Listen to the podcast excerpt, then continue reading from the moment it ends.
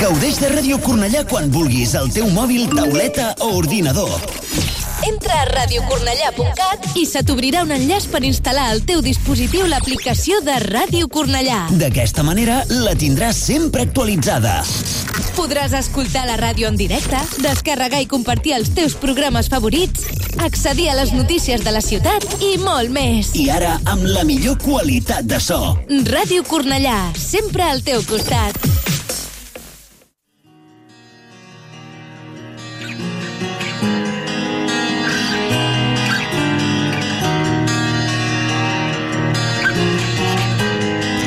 Radio Cornellá comienza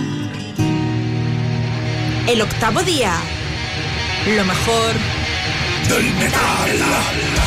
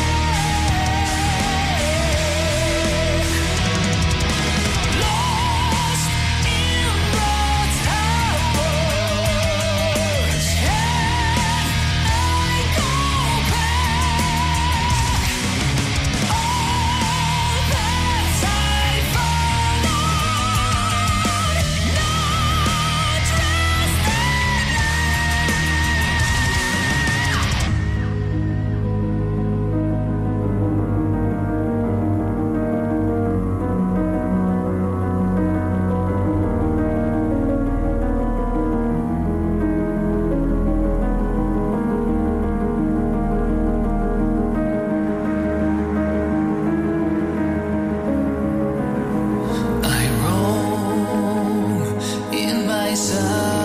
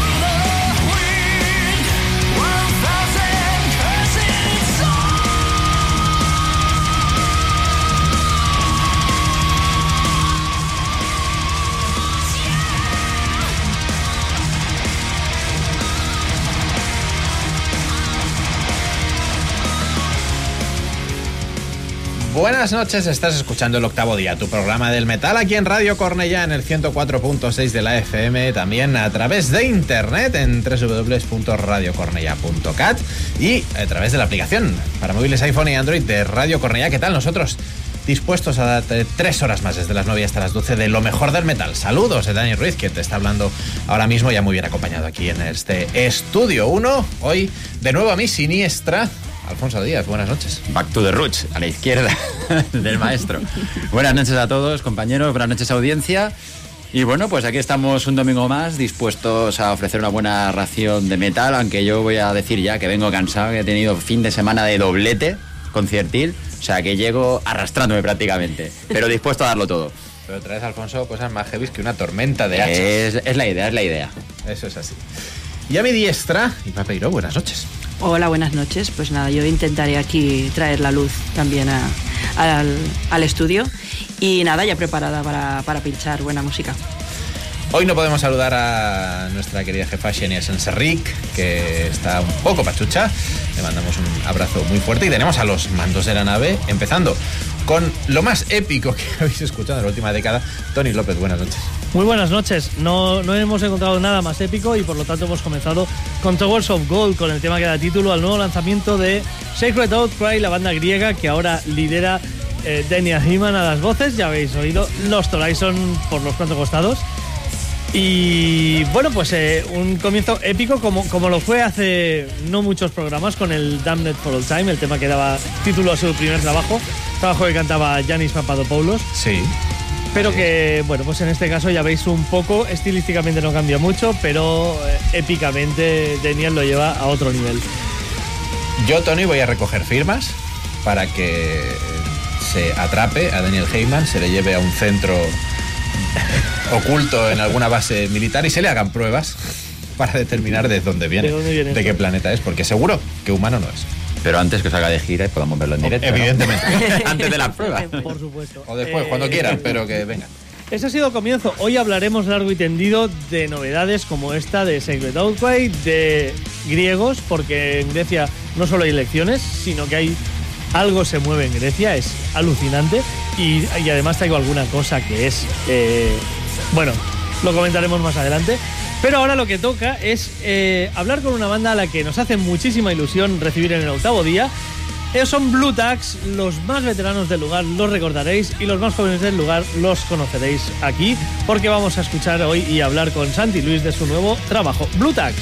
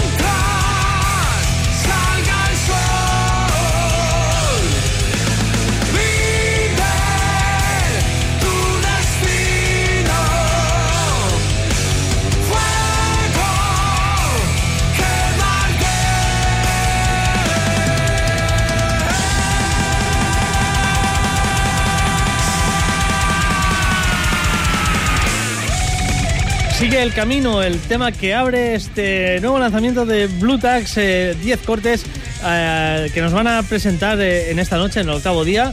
Santi y Luis, muy buenas noches a ambos. Muy buenas noches. Buenas noches. Santi Leal, guitarrista mítico de la, de la escena musical en Barcelona y, como no, Luis también, vocalista de Blue Tax, que nos venís a presentar pues un disco que ahora Alfonso seguramente profundizará más. Para mí ha salido de nada, por lo tanto queremos que nos expliquéis cómo habéis revivido este, esta banda y, cómo ha surgido el tema de, volver a estas alturas. Una banda que es mítica y, que, y que ahora reflotáis. Eh, ¿De dónde bueno, como, dices bien, ha tenido su proceso. No, no, digo que haya sido un parto, pero ha tenido sus cositas. Pero bueno, el detonante sobre todo fue cuando se puso en contacto con nosotros eh, Gadir Records, que se dedican a, hacer discos con maquetas, demos de, los 80, y Paco Manjón y Jesús eh, Palacios contactaron conmigo y digo, oye, que yo sé que tú tienes maquetas, que eres un, te gusta guardar cositas y tal. ¿Y qué te parecería que nosotros las sacáramos? Y era una idea que teníamos ya hace tiempo de decir, oye, ¿por qué todas esas maquetas que tenemos de aquella época, por qué no hacemos una edición, aunque sea para mm. nosotros, para tenerla y tal? Y el caso es que al final eh, nos lo ofrecieron, dijimos que sí, y quieras o no, cuando ese fue el detonante al fin y al cabo, porque dijo, ostras, todo lo que el suquillo aquel de oírlo otra vez y tal, dice, oye, ¿y todo esto cómo sonaría ahora si lo hiciésemos? Y ahí se quedó la incógnita, ¿no? Sí, porque con el tema de Gadir fuimos también para, para hablar del tema de, de, las maquetas y tal, y, claro, hablábamos como muy del pasado, muy de, de atrás y tal, y, y claro, decía, pero bueno, estaría bien también ver cómo sonamos ahora para, para, que fuera una realidad. Pues estabas hablando ahí de hace mucho tiempo y tal, y bueno, pues la idea de cómo sonaría ahora, pues eh, lo descubrimos pronto y nos enganchamos aquí rápidamente. Es una cosa que destaca, la primera vez que escuchas el disco, destaca el sonido. El sonido es absolutamente actual mm. y son temas todos que eh, me podéis decir que los habéis compuesto el año pasado y cuela muchísimo porque la verdad es que es un sonido, ha sido tú, ¿no, Santi, quien ha... Bueno, bueno, quiero decir, la mezcla, final, producción y demás. Eh, pero bueno, sí, evidentemente la banda la componéis cuatro, cuatro personas, aunque hoy estáis aquí únicamente vosotros dos. Sí. Que bueno, eh, eh, disculparlo, no han podido porque tenían, hoy es domingo y tenían que hacer cosas, mañana madrugan porque esto, los músicos parece mucho glamour, mucha historia, pero muchos tienen que madrugar para ir a trabajar y ganarse las garrofas, ¿eh? por eso te digo que no han podido venir, pero bueno, estamos aquí. No como las estrellas de la radio. Exacto. Exacto. es lo, mismo, ya sé. Eso, el gremio son gremios que van unidos. Es diferente. sí. Estábamos hablando de, hasta ahora, ¿no? De lo que había sido la recopilación de las maquetas y tal. Yo la primera vez que escuché hablar de, Blue Tax fue cuando estabas presentando este disco, que tiene unos cuantos años también. Enséñalo a la cámara bien, Alfonso, bien. el año 93, que, en alguna entrevista fue que te escuché hablar de la banda, que yo no la conocía de nada. Sí, sí, sí. Entonces, estos, estos temas que, estas maquetas que, que repescasteis, por así decirlo, eh, ¿Las volvisteis a grabar los temas o es tal y como estaban, en ese formato crudo, digamos? Tal como estaban, porque eh, en aquella época eh, tenía suerte porque tenía unos ocho pistas y lo grabamos, claro, estoy hablando del año 85, 86 y lo grabamos, lo teníamos por pistas y quieras o no, pues después lo puedes mezclar un poquito mejor dentro de lo que cabía, pero estaba todo grabado en el local. Y todos aquellos no retocamos nada, quiero decir, tal como estaba eh, es como salió.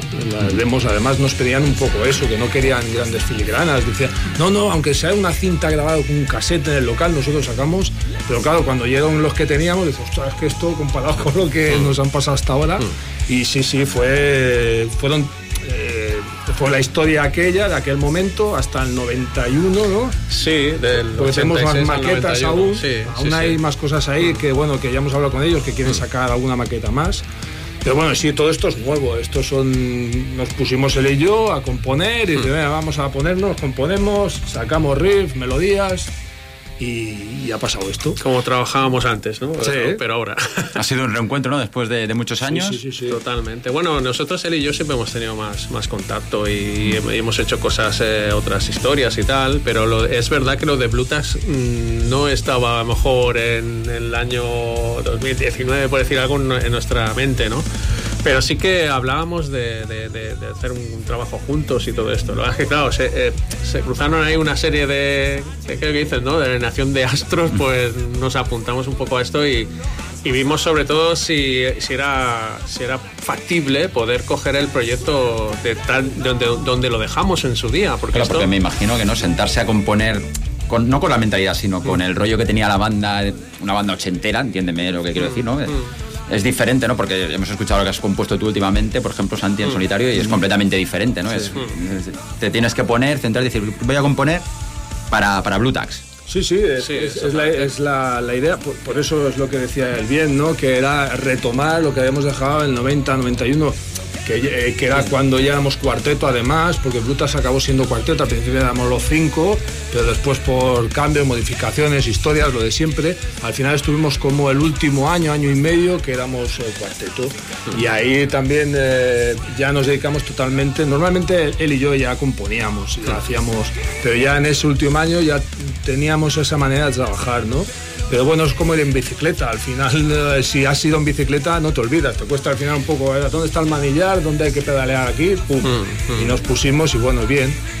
También tenemos la suerte que técnicamente ha cambiado mucho el sistema de grabación, es más fácil, en casa puedes, eh, te pasas un tema, él pasa con lo que ha grabado, en fin. Entonces, siempre ha sido mucho más... Sí, la interacción es más, más fácil. Eh, antes era un poco más artesano, ¿no? En el, local, con el ocho pistas y, aún así nos pegamos ahí unos curros importantes, ¿no? De, como aquel que dice, ¿no? Dice, mira, acaba el entreno, pero hay dos tirando faltas, ¿no? Pues este éramos él y yo, ¿no? Estábamos ahí siempre eh, intentando de que todo fuera eh, como realmente nos gusta.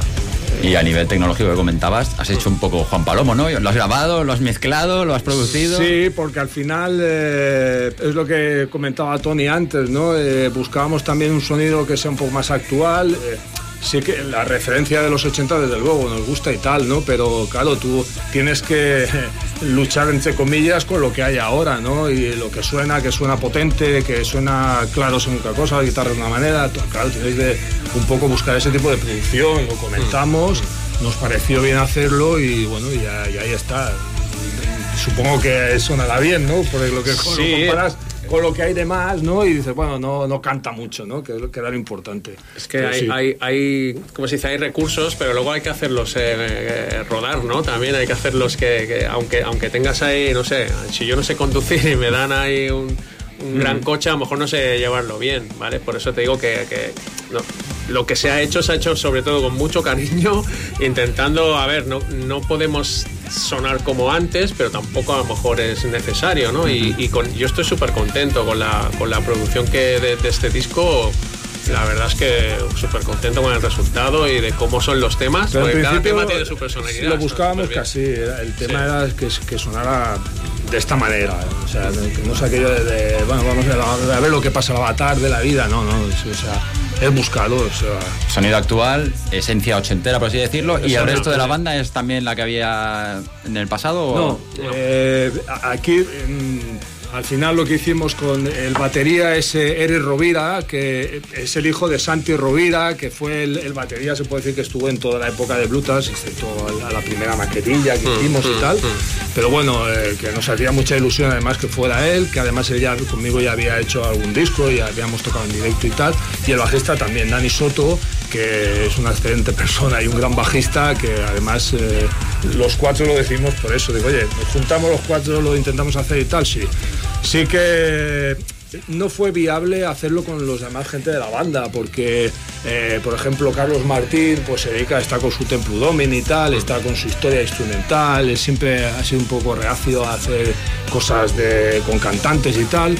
Y bueno, eh, Tito, que era el batería original de la banda al principio, este vive en Galicia, y eh, tenemos contacto y tal, era inviable también, porque no pero bueno, nos hacía ilusión eh, mm. precisamente retomarlo con eh, Sangre Nueva, que eran al final que nos, nos, llenaban la, las venas y todo ello. Complementaban totalmente esto. Y con ellos los hemos hecho y mm. bueno, yo creo que, que, ha salido muy bien, vamos. Eh, le dan ese punto también de modernidad, de modernidad que hablábamos antes, ¿no? Es decir, la diferencia de ellos le han dado, son más jóvenes, tienen otras maneras de pensar, otras maneras de tocar y bueno, ese le han dado ese punto. Tú puedes producir algo, pero el toque de cada uno se nota, eso no es... ¿Entiendes? La banda somos, somos cuatro, o sea que... cuando os juntáis notáis que las influencias también son diferentes, se nota también ese salto. Sí, sí, sí. O más o menos. Bueno, eh, eh, ellos, eh, no sé, nos vienen con unas referencias que nosotros conocemos también, o sea que, y, a ellos, claro, a lo mejor nosotros hablamos con más eh, cariño de bandas que a lo mejor ellos son, más lejanas para ellos, ¿no? Pero bueno, yo cuando en los 80 me hablaban de Led Zeppelin y Purple y Black Sabbath atendía muy bien que, era eso, aunque no lo hubiera vivido, ¿no? O sea que que al final sí hay puntos de encuentro. Y, no es fácil, entiendo lo que dices porque a veces eh, quieres buscar ahí algo para hacer y, las referencias son distintas, pero que al final llegas a consenso. Eso es, al final acabas ahí en un, en un punto que, es, que, es, el tuyo, está, está, claro. Lo que sí que me ha gustado mucho es el, eh, como la simbiosis ¿no? entre los riffs muy cañeros, mm. muy Judas Priest en algunos temas, incluso mm. muy Freebird Barring, por ejemplo, y luego la parte de los estribillos son muy melódicos. O sea, queda un contraste, no sé si es algo muy buscado, ¿sabéis? me parece que los temas son redondos en el sentido que son temas de tres minutos y medio, ¿no? Que tiene un principio, tiene un fin, nada de fade out para salir, no, no. Tiene un principio, tiene un fin. Se nota que están trabajadísimos, o sea, es lo que hay. Estaba empezando, además, eh, es lo que dijimos, eh, nosotros queríamos llevarlo al directo, esto, que no se quedara en solo un disco, entonces el tema este, el fade out, como has dicho muy bien, de oye, un tema, empezamos, acabamos. Además, si os dais cuenta, no hay mucha floritura de guitarreos, de, ¿sabes? O sea, hemos intentado que lo que salga en ese disco lo podamos hacer en directo. Entonces sí que nos hemos dado un poco la licencia con los coros, porque ya que ellos dos también hacen coros, pues oye, entre los cuatro podemos intentar por lo menos darle ese punto, en vez de meter un teclado, pues oye, lo hacemos nosotros con los coros, no ese patch o lo, que sea, ¿no? Y bueno, y en ese aspecto... Sí, se, han cuidado esos aspectos, y mm. evidentemente el de, la, el de la melodía también y el de, el de las letras también. Eh, las, las, melodías vocales también. O sea, hay ensayos que los, nos los tiramos haciendo melodías vocales. Que, o sea, que las vamos a ver en directo, ¿no? Van a estar... Sí, sí, sí, sí, que, dices tú, eh, a ver, eso a lo mejor antes no lo pensabas, pero de pronto, un momento, eh, vamos a ver que esto suene realmente como tiene que sonar, que no, no, no tiene que ser algo que sea testimonial, no. vamos a hacerlo así, así, y aprovechamos la posibilidad que tenemos de hacerlo. O sea que dentro de que somos una banda, pequeña banda de cuatro personas, pero intentamos sacar la, mayor posibilidad. Yo por el tipo de música que hacéis y por cómo está construido el disco, mm. sí que os voy a decir que he echado en falta una cosa. No sé si estáis de acuerdo conmigo. La balada. Mm. Se, ha, hablado Lo, hablamos, pero dijimos, oye, mm, vamos a hacer directos y cañeros. Sí. Si hay un próximo disco, no lo descartamos, mucho menos. Pero queríamos Sabes que tampoco queríamos, eh, eh, como has dicho bien, son temas de intentar de tres minutos, que sean concisos, que lo oigas, no te aburras, eso es lo que hemos intentado, ¿no? Entonces, bueno, tampoco queríamos llegar al, al modroño de decir, oye, ya vamos a, a rizar el rizo y vamos a hacer la baladita, a ver si... No, queremos estar condicionados. Eh, a decir, a ver, si hubiera surgido una balada, se hubiera trabajado absolutamente. Y además, se lo hubiéramos hecho y a lo mejor lo hubiéramos puesto en todo el medio, como diciendo, no, es que es así, ¿sabes? Pero es que los temas, tal y como iban sucediendo, eh, eran así. Además, insisto que cada, cada, cada, cada canción es diferente, eh, aun, siendo todo un conjunto, pero tiene algo que decir, ¿no? Y entonces lo que dice Santi quién sabe, si, si tenemos la posibilidad de hacer un 2, eh, pues eh, a lo mejor sí que entra, o, no, o, un medio tiempo así más, más, más marcado, no se sabe.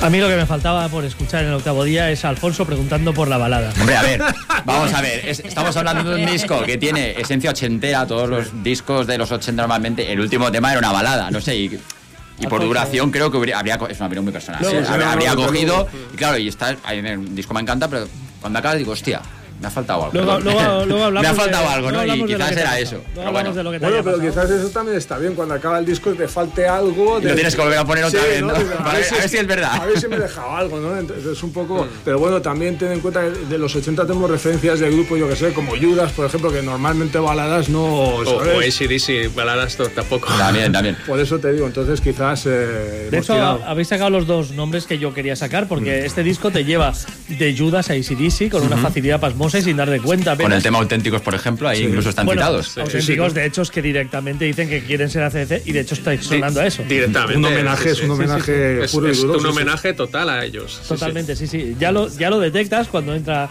eh, musicalmente, pero, pero encima es que, es que además lo, expresáis, ¿no? Con palabras. Claro, eh, pero como bien decía Ima también antes, eh, es cierto que los temas más ayudas le metéis ahí unos coros melódicos que te te sacan un poco de, ¿no? Claro, pero ahí también es donde viene la personalidad, entiendo yo, de lo que es la, la, banda. Yo, el denominador común sí que es cierto que hay un tema que igual es más medio tiempo, me ayudas, o alguien parece Iron Maiden, vale, de acuerdo.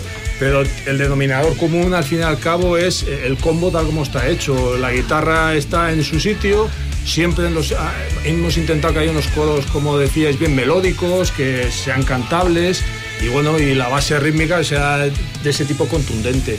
Ese es el denominador mm. común.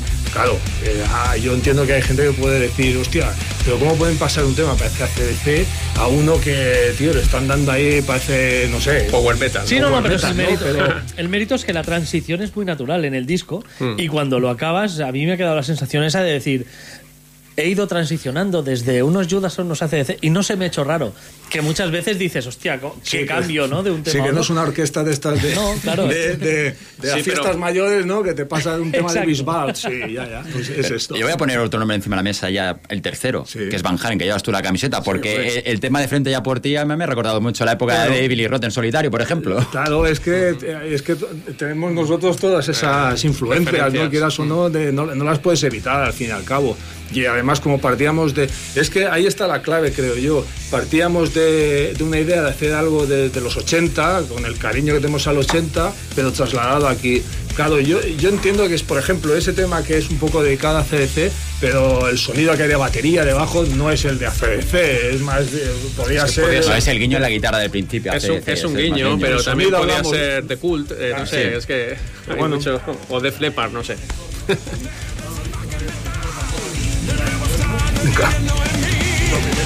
No, no, desde luego que no, claro, claro. Es, es, que ahí está la personalidad de lo que hablamos, claro. Si lo fácil hubiera sido, se hubiera podido estar cantando como, no, pero que no, no, no toca, él no es. Claro, entonces, exacto, pero no, yo eh, hubiera sido una parodia ya, entonces no, entonces no. Sí, bueno, no sé pero que es, es eso, que, que somos nosotros. Eh, lo, lo, que, lo que hay ahí, lo que, lo que se escucha somos nosotros en, en, en, todas las facetas, incluso puede que falte alguna, ¿no? Pero sí que es verdad que hemos hecho pequeños homenajes. A ver, el más eh, descarado es el de ACDC, está claro, porque es que lo pusimos en la letra y tal. Y también hay otros homenajes que están más solapados. Están, están, a lo mejor un poco más ocultos y también muchos guiños musicales a, a, a otros artistas, pero que, que en realidad también queríamos eh, hacer ese, ese, ese homenaje también al vinilo, pues si te fijas, eh, es, es, la duración que tiene es muy, muy de vinilo también, ¿no? y, y, las canciones están hechas para tocarlas en directo, porque lo que nos sorprendió totalmente ir, al, ir al local y ver cómo sonaban y dices, es que son canciones para tocarlas en directo, para disfrutar. Bueno, de hecho, os damos ya casi la primicia que ya tenemos el vinilo, porque en principio mm. eh, sabéis que ya tarda más todas estas historias y ya seguramente esta semana que viene ya los tendremos todos, pues hemos tenido unos cuantos de prueba y tal. Sí, eso eh, a partir de finales de mes, 29 de mayo, es cuando Hemos hecho también un poco más progresivo para que, para que como el, concierto que nos interesa mucho, el concierto del día 3 de junio, hacerlo escalonado, porque si el mismo día que dices el estreno en marzo y ya tienes el vinilo, ya tienes todo, ya cuando llega después de tres meses, cuando llega el concierto, ya eh, ¿qué hay? No hay nada. Es más, para el día del concierto queríamos hacer, que vamos a hacer una edición especial limitada, edición limitada. del vinilo eh, con un libreto especial y unas puitas y tal, que las venderemos en el concierto solo para ese momento. Entonces, eh, estamos preparando cosas de ese tipo para darle. En la sala Wolf tocamos junto a Barrena, nuestros amigos de Barrena, que ellos también tienen un disco de temas propios que hicieron el año pasado. Y bueno, ellos alternan su. es un banda tributo a Barricada, pero alternan con, con, su disco de canciones propias y en este caso van a tocar canciones de ese disco propio. Harán alguna versión, entiendo, lógicamente de, de, Barricada. Aquí hay. Voy a ir ahí a, a verificar. a fiscalizar. Vestían lo del drogas, por lo visto, ¿no? Está estos sí, sí, sí, sí. Pues eh, sí, sí. Eh, harán su disco, que es rock urbano, pero también tocarán, claro. ¿Cómo será el orden? ¿Tocáis vosotros primero? ¿Tocan sí, ellos? tocamos nosotros primero, ellos son los buenos. al final lo sorteamos, ¿no?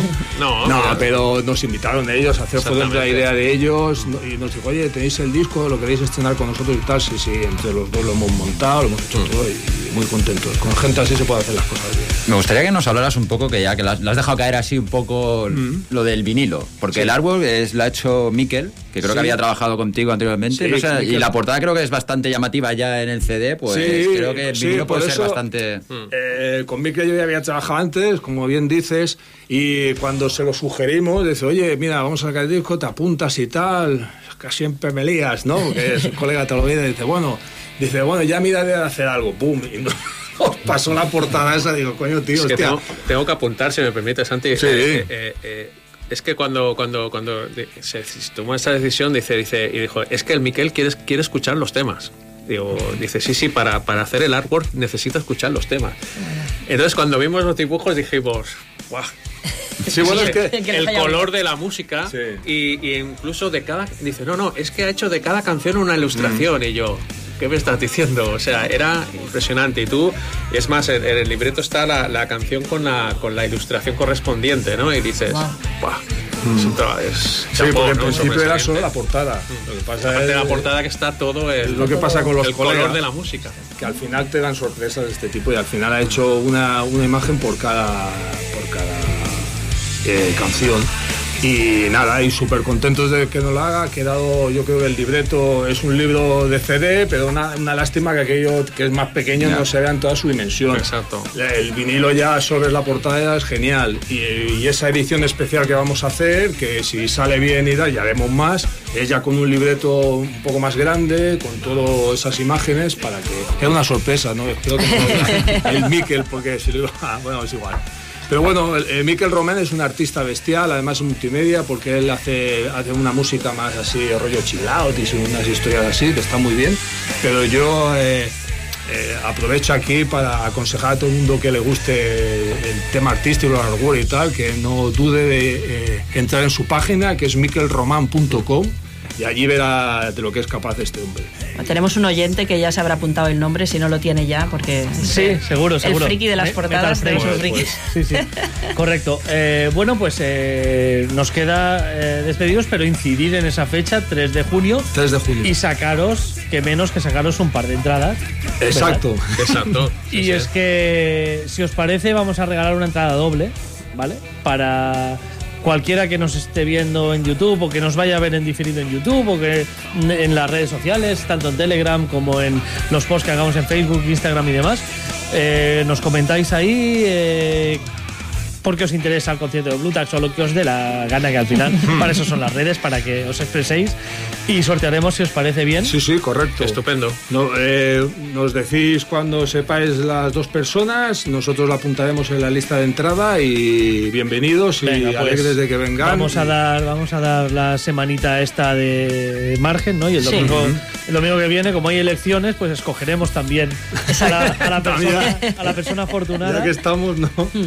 Que se llevará una- un par de entradas, una entrada doble para, para poder ver este estreno de Blue Tax en la sala Wolf. Me gustaría, Tony, antes de despedirnos, hoy me pido yo el tema de salida cuando No, se acabe la no, entrevista, ¿eh? que quiero que sea rey del alambre y quiero que me habléis un poco de ese tema, porque creo me, siempre me han gustado los temas de rock, hablan de, de música y de los rockeros. O sea, y quiero que me hables un poquito del tema ese. Pues bueno, el tema este eh, queríamos también hacer, tocar un poco, eh, antes que hemos hablado del rock urbano, si os dais cuenta en el tema este, lo que es la parte de estribillo y todo Sí. esto es bastante rock urbano. Pero bueno, el Rey Alambre puede, es, a ver, eh, todas las letras que, que- que hacemos, es- tú siempre piensas en alguien, cuando hicimos esta letra lo hablamos, ¿no? Dijimos, a ver, porque es una manera No. muy guay de, de esto, ¿no? ¿En qué podemos pensar? En este, ¿no?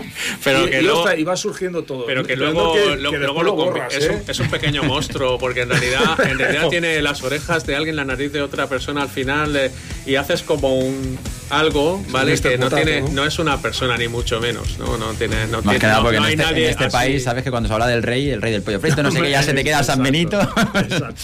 No, sí, es verdad, que, que- pero, pero nos, nos hizo una, nos hizo gracia hacer eso porque habla del equilibrio, eh, es- nos, nos- nos que estamos refiriendo a, a- a esto de los equilibristas y tal, además lo dice en la canción, lo de equilibrista, funambulista y tal, ¿no? Pero que bueno, que, que es... Que es, hay- es- ¿cómo diría yo? Es que al final la interpretación eh, es libre, ¿no? Exacto, y lo mejor es que cada uno interprete. Y le ponga la cara que quiera, ¿no? Sí, eso es como decía. No, pero, pero a lo mejor no tiene nada que ver, porque es que me hace. A mí, perdona. Sí, no, no. A mí me hace mucha gracia y dice, oye, aquí estabais hablando de este tío.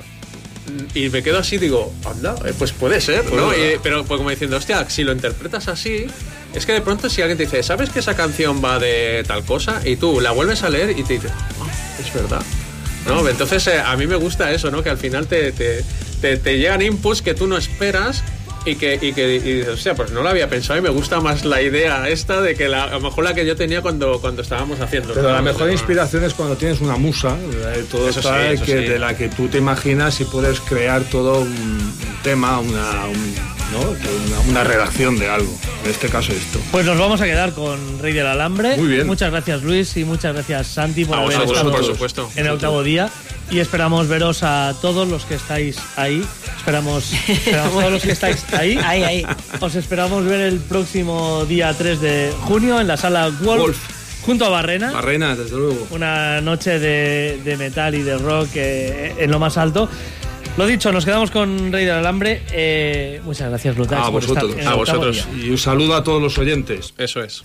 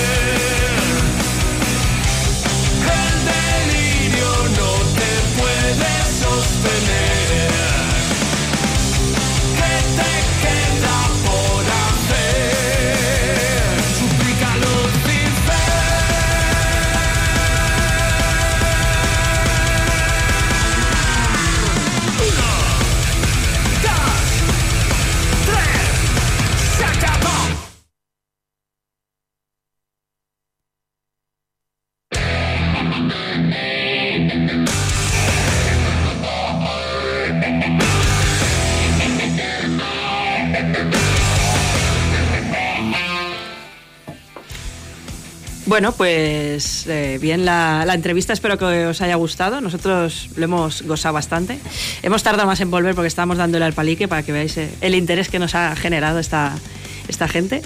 Y, y nada, y me voy a lanzar yo con, con eh, el saque de hoy, bueno, el resaque, porque el saque ya habéis metido un golazo por toda la escuadra, que está todo el chat flipándolo lo más grande. A ver qué puedo pinchar yo ahora, pero bueno. Voy a pinchar otra cosa, a ver si también me gano el favor, porque hay otro grupo que tuvo, bastante, com- tuvo bastantes comentarios cuando sacó su disco el pasado 21 de abril. Y no es otra que los otros putos sue- malditos suecos, perdón, malditos suecos, eh, Sign Demon, ¿eh? Sacaban su, su disco a finales de abril y bueno, eh, fue bastante comentado este disco de los de Orebro porque, bueno, eh, después de que se tiraron 10 años parados, nos sacaron aquel Ghost que nos dejó un poco con el culo torcido, estaba bastante bien y en este pues han seguido manteniendo el tipo, a mi gusto, que veo que Tony pone cara de... No, no, ¿sabes qué pasa? A mí esta banda In Shadows Lost from the Past me flipa. O sea, fue un debut que me rompió los esquemas. Sí. Y luego no me han llegado tanto en ningún otro disco. Y este Ya. Me lo vas a presentar tú ahora porque ni lo he No has escuchado. aún. Pues está realmente bien, ¿eh? Yo, Sí. A mí me ha gustado mucho y bueno, en el chat también ha tenido bastantes eh, seguidores, bastantes comentaristas, porque bueno, ah, está manteniendo el nivel que tenía y con lo cual ya es bastante de, de agradecer. Mucha épica, mucho power, evidentemente. Evidente. Eh, mucha, mucha melodía, melodía, mucha melodía, Era porque la- son unos de mm, fucking masters de, haciendo melodías que son preciosas y, y- y los agudos del señor Grefsat que bueno bueno no, igual no es tanto como el otro que hemos escuchado pero bueno también No, no, no compares a su- nadie con el otro no. que hemos escuchado. o sea con No. a- al César lo que es del César.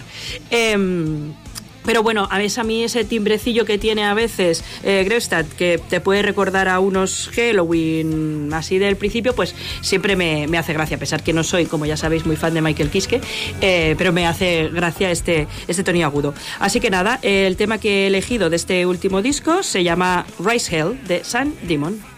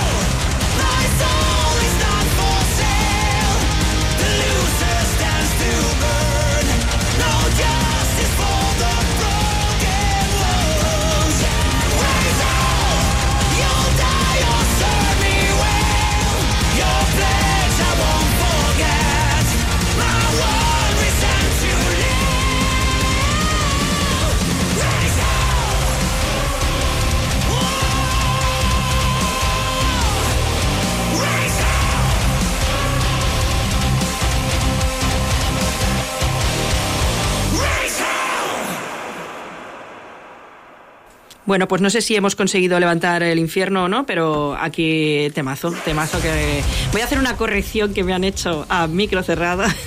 No es los primeros Halloween, es los terceros Halloween a los que me refería, los de Michael Kiske. Ya está, corrección hecha, fe de ratas. Eh, pero bueno, ya habéis visto que agudos que te cagas, hay mm, rasgado, pero rasgado en agudo, no, no gutural, rasgado. Eh, hay mucha melodía, hay guitarreo, es pues, lo que es un disco de Saint Demon, eh, fantástico, maravilloso. Y no sé ahora quién... Buena pinta, buena pinta. Me lo, me lo escucharé si tengo un rato entre tanta cosa que hay por escuchar. Sí, porque ya nos has hecho antes un sneak peek que, que has estado escuchando mucha cosa muy buena. Entonces ahora ya Bueno, no he dicho con una muy buena. expectativa. No he dicho muy buena. Ah, no has dicho muy buena. He dicho mucha cosa que os quiero, que os quiero poner. Has dicho que vamos a gastar dinero, so- sobre todo Dani. Eh, Sí, Dani sí, Dani sí. Dani, va- Y, Dani va a caer. y de hecho Alfonso ya ha traído ahora mismo. Dani, esta chumbo. noche estamos Palma, a final, de, a final de mes, no sé cómo va lo que queda de mes, no sé cómo lo va a pasar.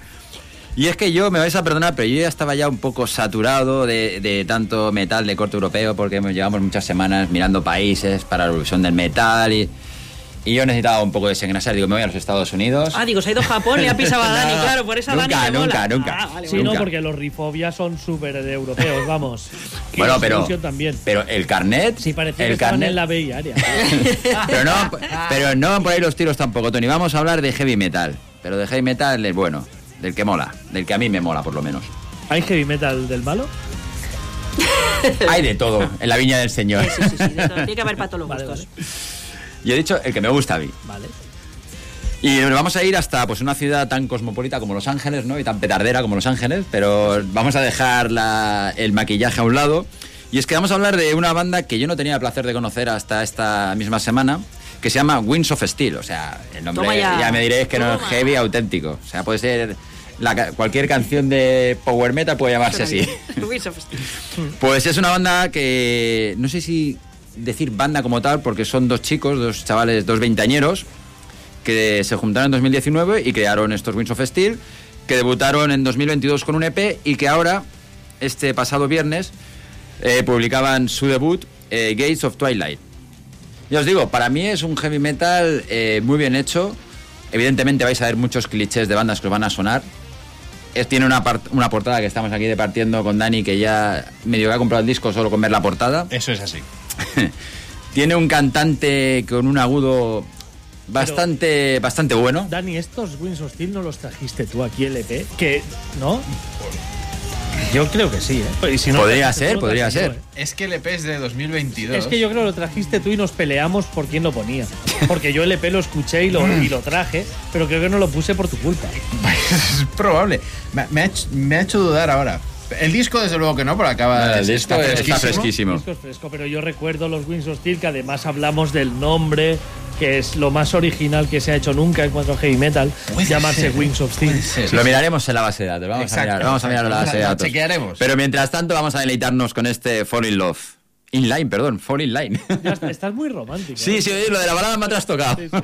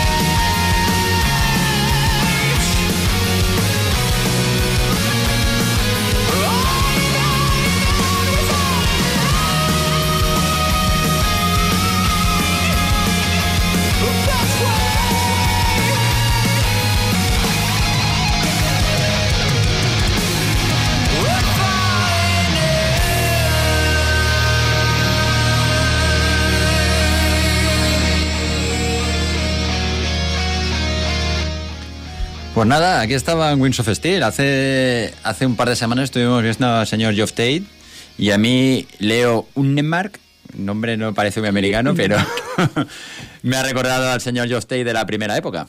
Pues Dani y yo estamos buscando ya el número de teléfono del comedor social porque el resto del mes creo que vamos a tener que ir a comer. Primera compra de la noche. Vamos a tener Pues que ir a la caridad, a la beneficencia. Perdona, Inma, estaba mirando la nacionalidad de Leo, ¿Sí? Sueco. Sueco. Ah, es que claro. Vamos bien, vamos bien. Hoy que no me traigo la bandera. No a Suecia, pero para empezar hoy en este octavo día. Bueno, para empezar a medias, porque como decía Tony a micro cerrado, Sacred Outcry es compartido. Total. Me voy hasta Dinamarca, a la localidad. Bueno, voy a. No voy ni a intentar pronunciarlo. Da igual. Con una banda que lleva 10 años de carrera, aunque ha sacado en esos 10 años tres discos, 2015, 2020 y 2023, y que llegan ahora con Where Chaos Thrives. La banda se llama Chronicle. Y según parece, aunque a mí no me lo ha parecido tan así, por lo menos en la mayoría del disco, hacen un Blackened Melodic Thrash Metal. Una cosa un poco extraña. Blackenet y Melodic. Uy. Sí, Uy, sí que me ha parecido un, un death metal algo melódico, pero con muchas partes eh, muy, muy, muy, muy eh, complejas. Bueno, lo muy que hace al death metal melódico, si es que puede serlo, es emblaquenecerlo. Sí. El blackened death metal es death metal con melodía. Ennegrecerlo, ¿no? Sí, sí, un poquito así. Y me ha sorprendido gratamente, le he podido dar una escucha de momento en diagonal, si me permite la expresión, pero desde luego se ha ganado el derecho propio a que le meta mucha más caña. Para muestra un botón, os dejamos con lo nuevo de Chronicle, esto es The Black Tide.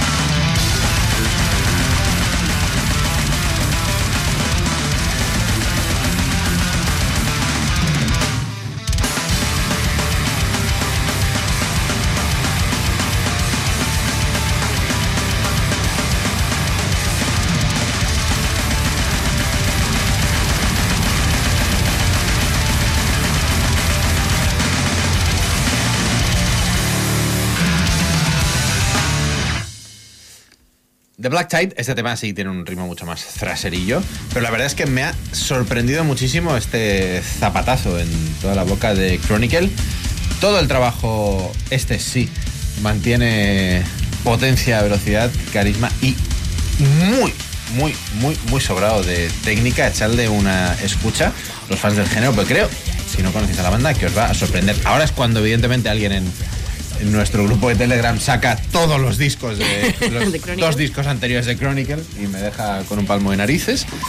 Pero vaya, tienen, como digo, un trabajo de mm, 2015, Primordial Fear, Demonology 2020 y este Where Chaos Thrives que acaba de salir hace un par de días y que me ha dejado picueto. Muy, muy buenos estos daneses. A mí Chronicle, además como lo traías tú, que eres bastante friki, pensaba que iba a ser, iba a ir del juego. He visto que en 2012, que fue cuando ellos se formaron, había una peli llamada Chronicle No. de niños adolescentes con superpoderes. Igual tienen superpoderes esta gente. Frederick Shavn Fredericks Hound. Hound. Claro, porque es. H-V. en- Vale. Ese es el pueblo y entiendo que la región es Nordjylland. Por ejemplo. Estupendo. Daneses. daneses. Muy, muy buenos. Yo voy a volver a Grecia porque los malditos griegos van a desbancar a los suecos, están en ello. Es alucinante la de lanzamientos de estilos diferentes que llegan últimamente desde Grecia. Di- discúlpame, Tony, porque lo hablamos la semana pasada o la anterior. Este es un disco que yo compraría por la portada. Ah, sí. Sí. Bueno, es- este o cualquiera de Centurión. que- Pero, entendiendo que los de Centurión ya están en casa. Sí, correcto. Este, este sería. Os voy a presentar, para quien no conozcáis, a World Dance. No confundir con los World Dance tributo a Anthrax de Barcelona. Estos son unos World Dance de Atenas. Una banda que editaba un disco hace como de 8 o 10 años, eh, que tuvo cierta repercusión, pero también pasó. Bueno, iba a decir sin pena ni gloria, pero no, pasó con mucha gloria, pero por muy pocos sitios. No, no fue un disco que tuviese muchísima repercusión, especialmente fuera de Grecia, pero si haces como yo, que sigues a la Metal Hammer griega, que es eh, ahora mismo mi fuente de. de Es tu camello ahora mismo. Sí, es mi fuente principal de. Espero que tuiteen con nuestro alfabeto. No, no, no, no, es traductor. eh, Ah. 100%, Traductor puro y duro, sí, tirando de traductor a muerte. sí, sí. Bueno, pues eh, no salió mucho de Grecia la banda, cosa que no entendí, pero es que eh, vamos a ver qué pasa con este nuevo trabajo. Sons of Thunder salía el pasado 6 de mayo, un lanzamiento nuevo de este mes. La banda básicamente es un trío y os aseguro que el que canta no es Eric Adams. El bajista ni siquiera es Joey de Mayo. En definitiva, os voy a dejar con este Sons of Thunder de los World Dance. El séptimo corte es una banda que eh, no se esconde. eh, sus eh, sus influencias son Warlord, que es el heavy metal épico griego por antonomasia, y Manowar. El séptimo corte se llama Warlords of Metal. Es un clarísimo homenaje a unos y a otros. Estos son Wardens. Si te gusta Manowar, prepara la visa.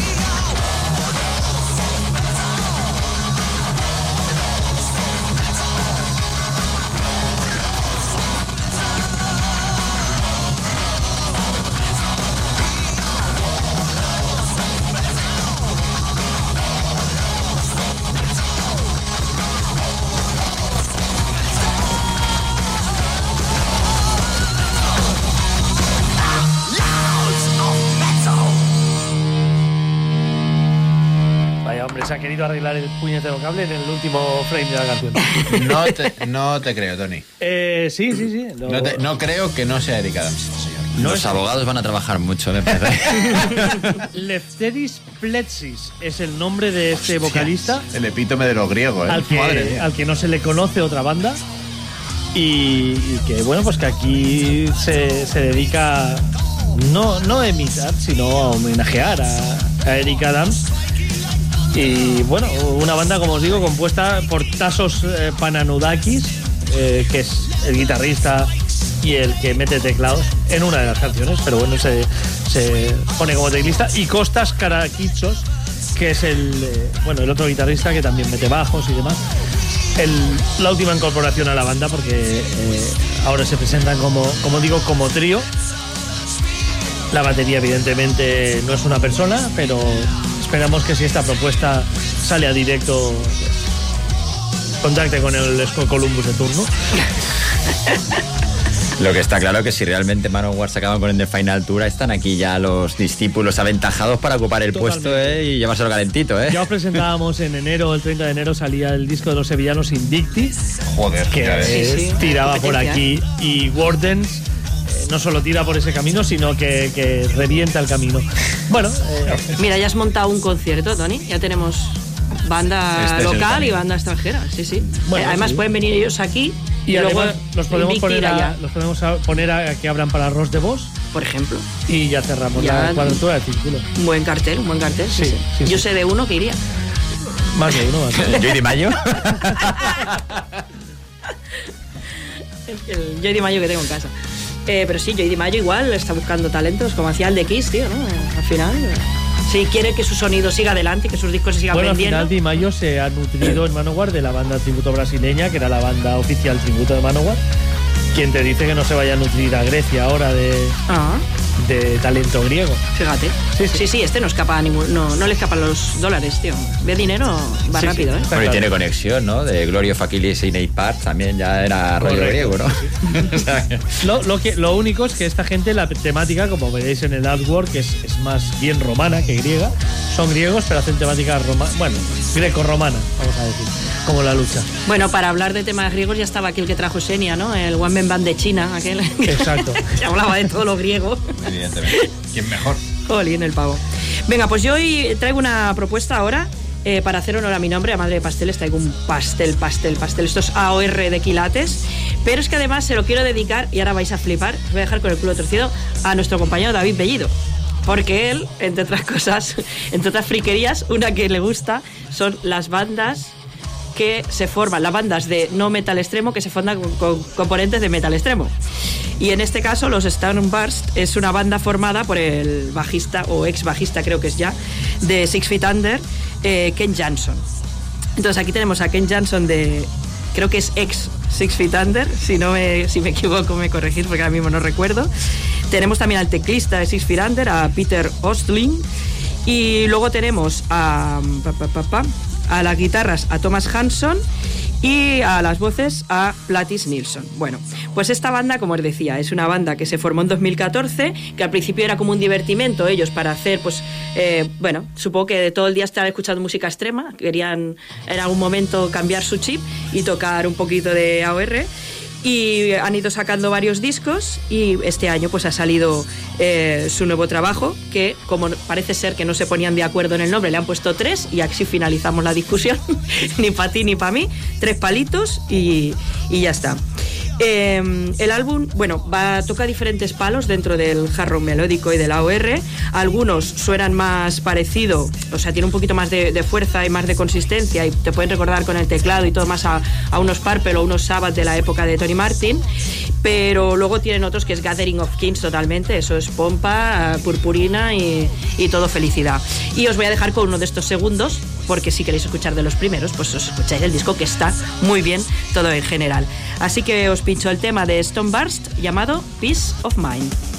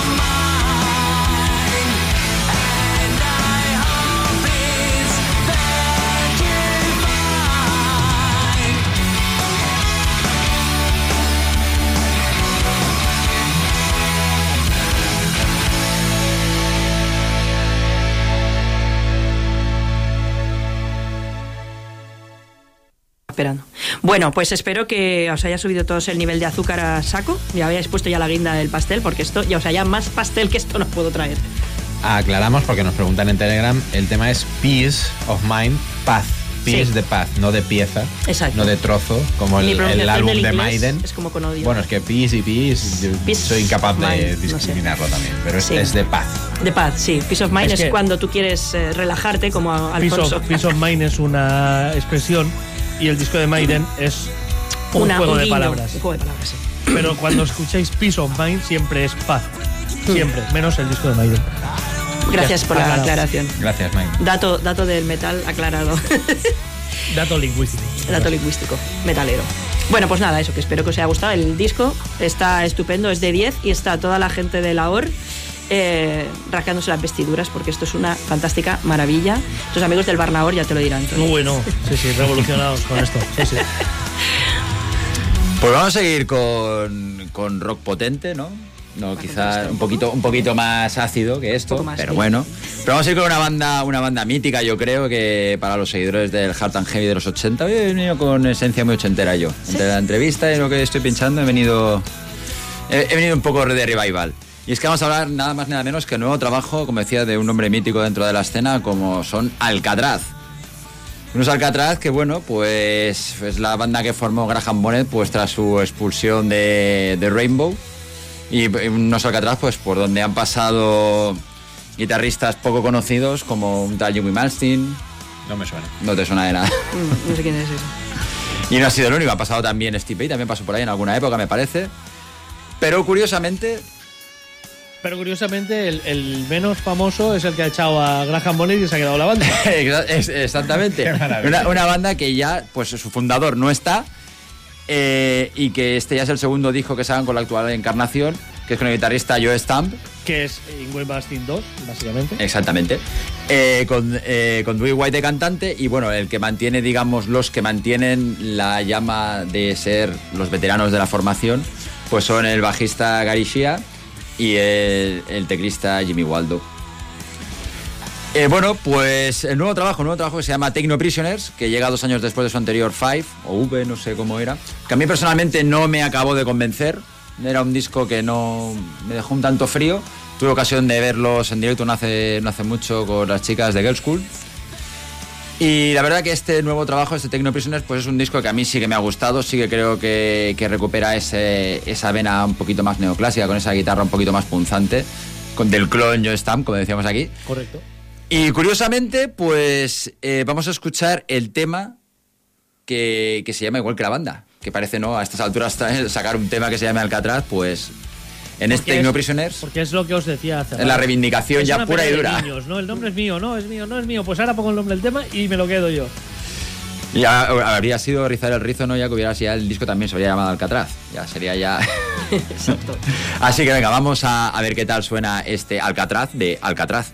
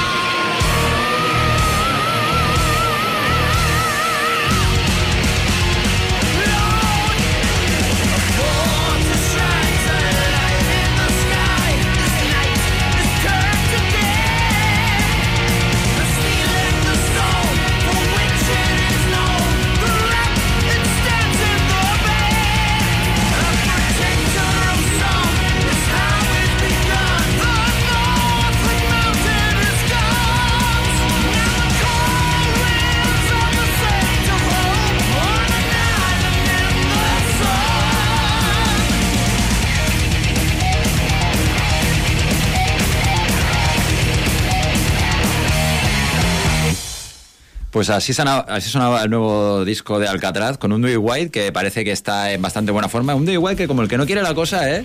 Ha pasado ya por Rainbow, por- ha tocado con Michael Schenker, con Cornerstone, Con Ingui. con Picnic 69, con Ingui, con Rainbow, con John Steele.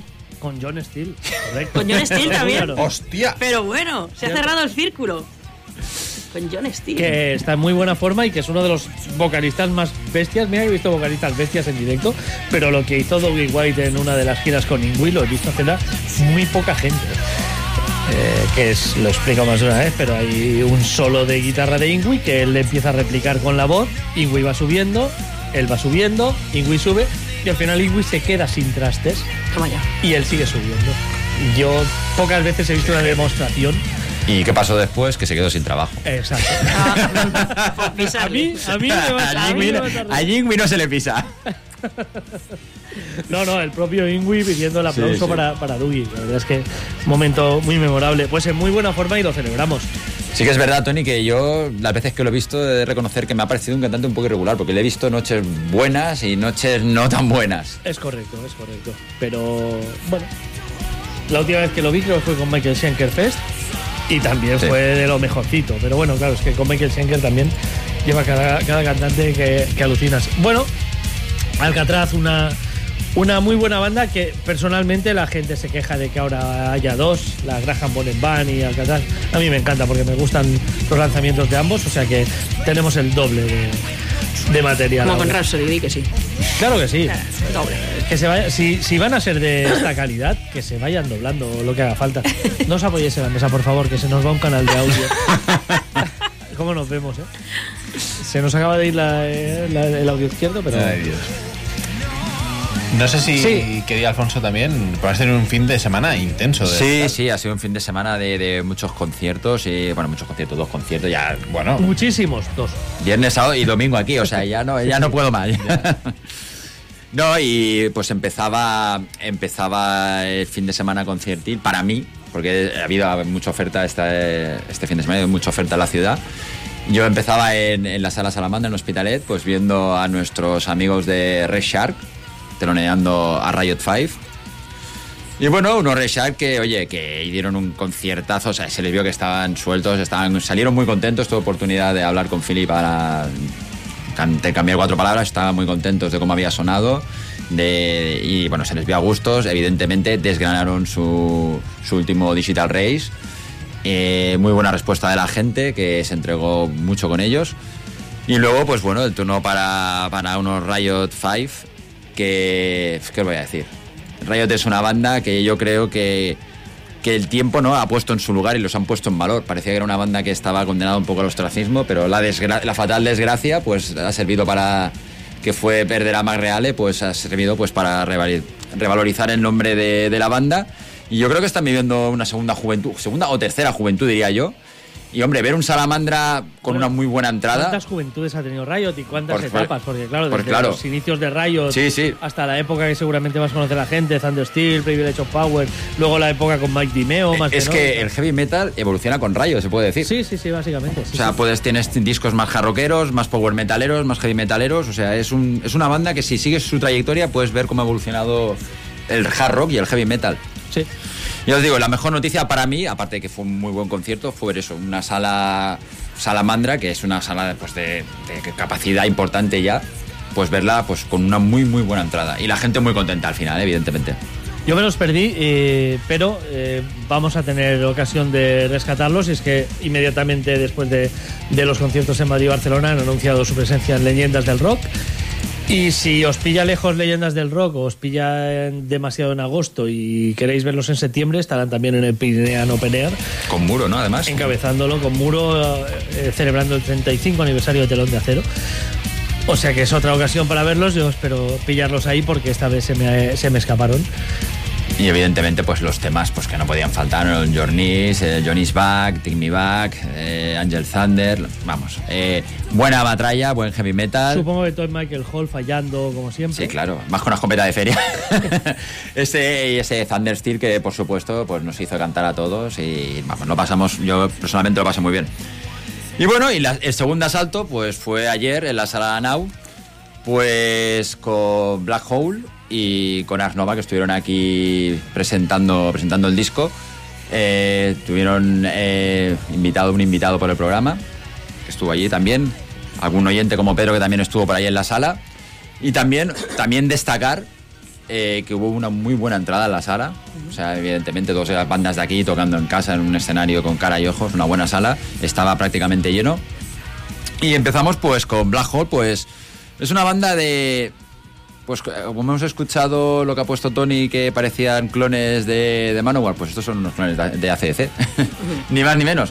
Pero sí, yo recalcaría de ACDC de la, de la última época, del Ball Breaker en adelante. O sea, ya un poco más boogie, más no tan eléctricos, o sea, no tan punzantes, sí con esos temas un poco más pausados, pero con estri- estribillos muy coreables y que supieron conectar muy bien con la gente, que acabó bastante contenta con ellos. Y bueno, y, fueron para mí fueron de menos a más. O sea, yo creo que hicieron un buen concierto, también creo que salieron contentos. Y bueno, en las estrellas de la noche, pues Ars Nova, que hicieron un conciertazo, o sea, tocaron prácticamente entero su último, su último disco. Tuvieron eh, colaboración de varios invitados y se les vio con una sonrisa de oreja a oreja. Ya cuando nos vimos aquí vimos que estaban muy, muy ilusionados, que tenían muchas ganas de, volver al directo y la verdad que creo que se resarcieron y sonó muy bien. Las colaboraciones eh, sonaron también perfectas y temas para, desta- para destacar, pues yo me quedaría con Sacrificio, con Diáspora, con el efecto mariposa y con la final Lágrimas de Sangre. Y os digo, eh, un concierto que, que creo que colmó las expectativas de los que estuvimos allí y creo que de la propia banda, que fue un subidón. Si tenéis ocasión de ver la foto finish del concierto, veréis que están con una sonrisa que no les cabe en el rostro y esperemos que este sea le- en la primera parada de, de más conciertos y que tengan la suerte que se merecen, porque la verdad que este último trabajo, este Abrazando las Sombras, merece mucho la pena. Pues gracias, Alfonso, por, eh, por eh, ofrecernos eh, pues esa, ese, ese detalle de lo que hemos podido vivir. Luego Inma de aquí un rato nos hablará también de otro concierto en el que estuvo ayer y, y de, de su fin de semana eh, metálico y rockero y barriquero. Y barriquero. Pero ahora seguimos con más música, Dani, porque seguro que tienes por ahí mierda de la buena.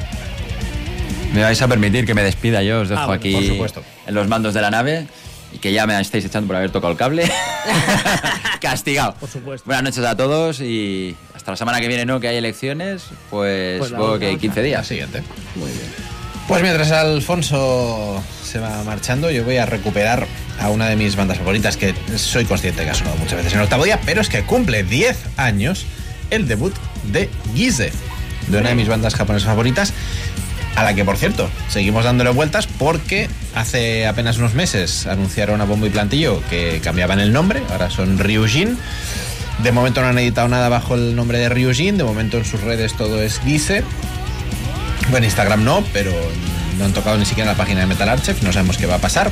Una banda que empezó en 2009 como Suicide Heaven, una banda formada por eh, dos cracks como son Suji y su hermano mayor Ryoji, mayor relativamente, 33 añitos, tiene el maldito genio de Hokkaido, uno de estos japoneses obsesivos como hay muchos que dedican su vida plenamente a, a tocar y que ha ido desarrollando un estilo Dani, fantástico. Tú conoces un poco Japón. Uno de estos japoneses obsesivos es cualquier japonés.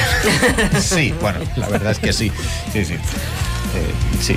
Un, tipo que puede tocar cualquier instrumento, que puede eh, mezclar eh, ahora mismo pues ese heavy metal más potente con instrumentos japoneses. Es una banda que desde unos inicios más crudos ha ido est- estilizándose mucho, ha ido metiendo cada vez más influencia del folclore japonés, que creo que está evolucionando una línea fantástica, una banda que además parecía que le faltaba algo al principio. El propio mm, Ryoji, guitarrista y, vocalista, dijo a su profesor de guitarra, a Shinkai, digo, tenemos un huequillo, ¿te apuntas? Dijo, pues de puta madre. Así que eh, realmente muy bien. Cumple 10 años el disco debut de Gize, eh, Fascinating Violence, en el que, por cierto, no canta Ryoji. Ryoji cantaría a partir del Black Bright.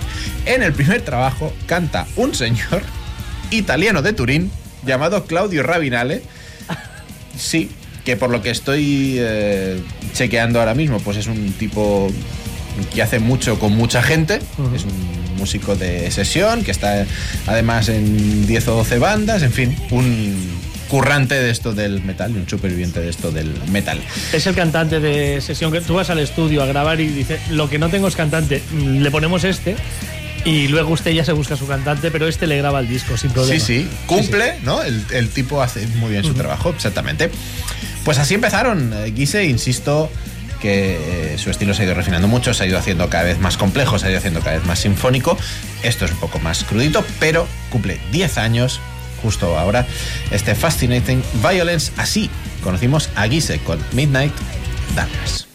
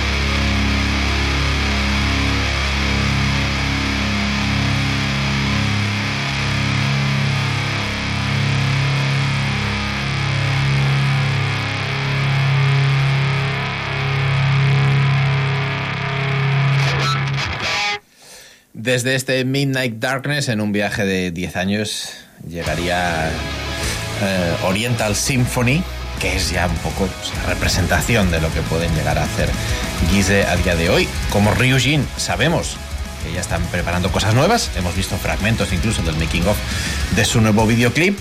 Me gusta mucho también que se hayan lanzado, que hayan abrazado cada vez más, sobre todo a partir de Asian, Asian Chaos, ese folclore japonés que faltaba un poquito en sus primeros discos y que no los diferenciaba tampoco pues de muchas otras bandas.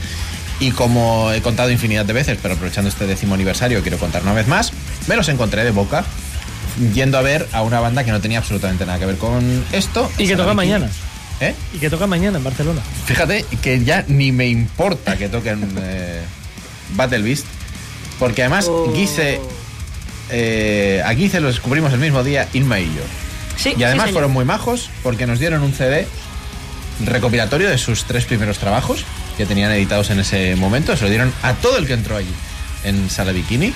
Para mí, un descubrimiento fantástico y por eso también apoyamos siempre que vayáis a ver todo el concierto. Que si podéis, si llegáis a tiempo, veáis a las bandas que telonean, que os llevaréis muchas, muchas gratas sorpresas.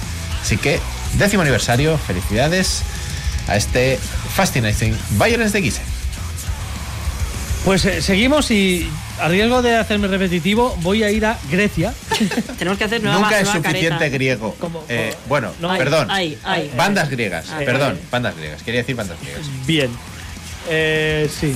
Como veis, hemos tenido la fortuna de que no me tocase eh, Grecia en Eurovisión del Metal porque habría... Hubieras muerto directamente. Podríamos hacer hacer Grecia del Metal y hacer un top 20 de griegos. Por favor. Eh, bien, eh, el pasado 19 de mayo, además de Secret Oakway, en Grecia hubo otro lanzamiento muy importante, que es el del nuevo trabajo de Horizons End, una banda de metal progresivo que sacaba su cuarto trabajo, The Great Destroyer, banda de finales de los 90, de aquella época dorada del power y el prog power eh, en Europa, que hicieron dos discos, se retiraron y aparecieron pues casi por sorpresa en 2019 con, con Skeleton Keys.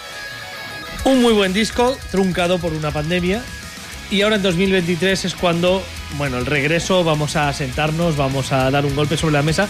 Y The Great Destroyer es una auténtica delicia. Prog Power de corte bastante melódico. Te puede recordar a infinidad de grupos, pero es bastante personal su propuesta. Sí que es cierto que, por ejemplo, hablando en el chat con alguno de los oyentes del octavo, como Raúl, por ejemplo, decía que le había recordado a Seven Wonder en algún momento, aunque el cantante Hostia. es bastante diferente y tal. Pero bueno, tienen un temazo para cerrar este disco, se llama Postcards from War, que no descarto que sirva para abrir un octavo día, porque es otro de esos temas largos eh, apasionantes. Pero hoy nos vamos a quedar con el segundo corte, Last to Succumb. Esto es Horizons End.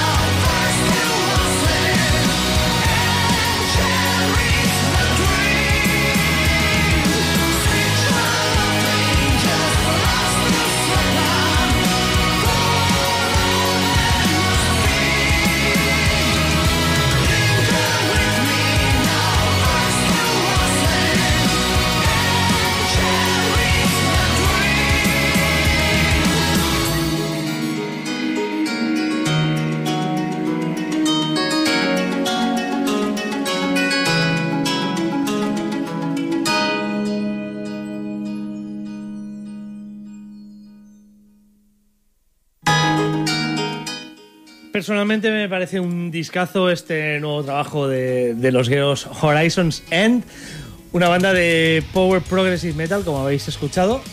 No inventan la rueda, seguramente, pero a mí me ha parecido un disco fantástico. Además, rematado, como digo, por uno de los grandes temas de este año, eh, como es Postcards from War, que escucharemos en otra ocasión. Eh, Horizons End, eh, creo que uno de los, de los discos a tener muy en cuenta. Seguramente lo veáis en algún vídeo a final de mes. Seguramente, ¿no? Ya, ya lo vas preparando.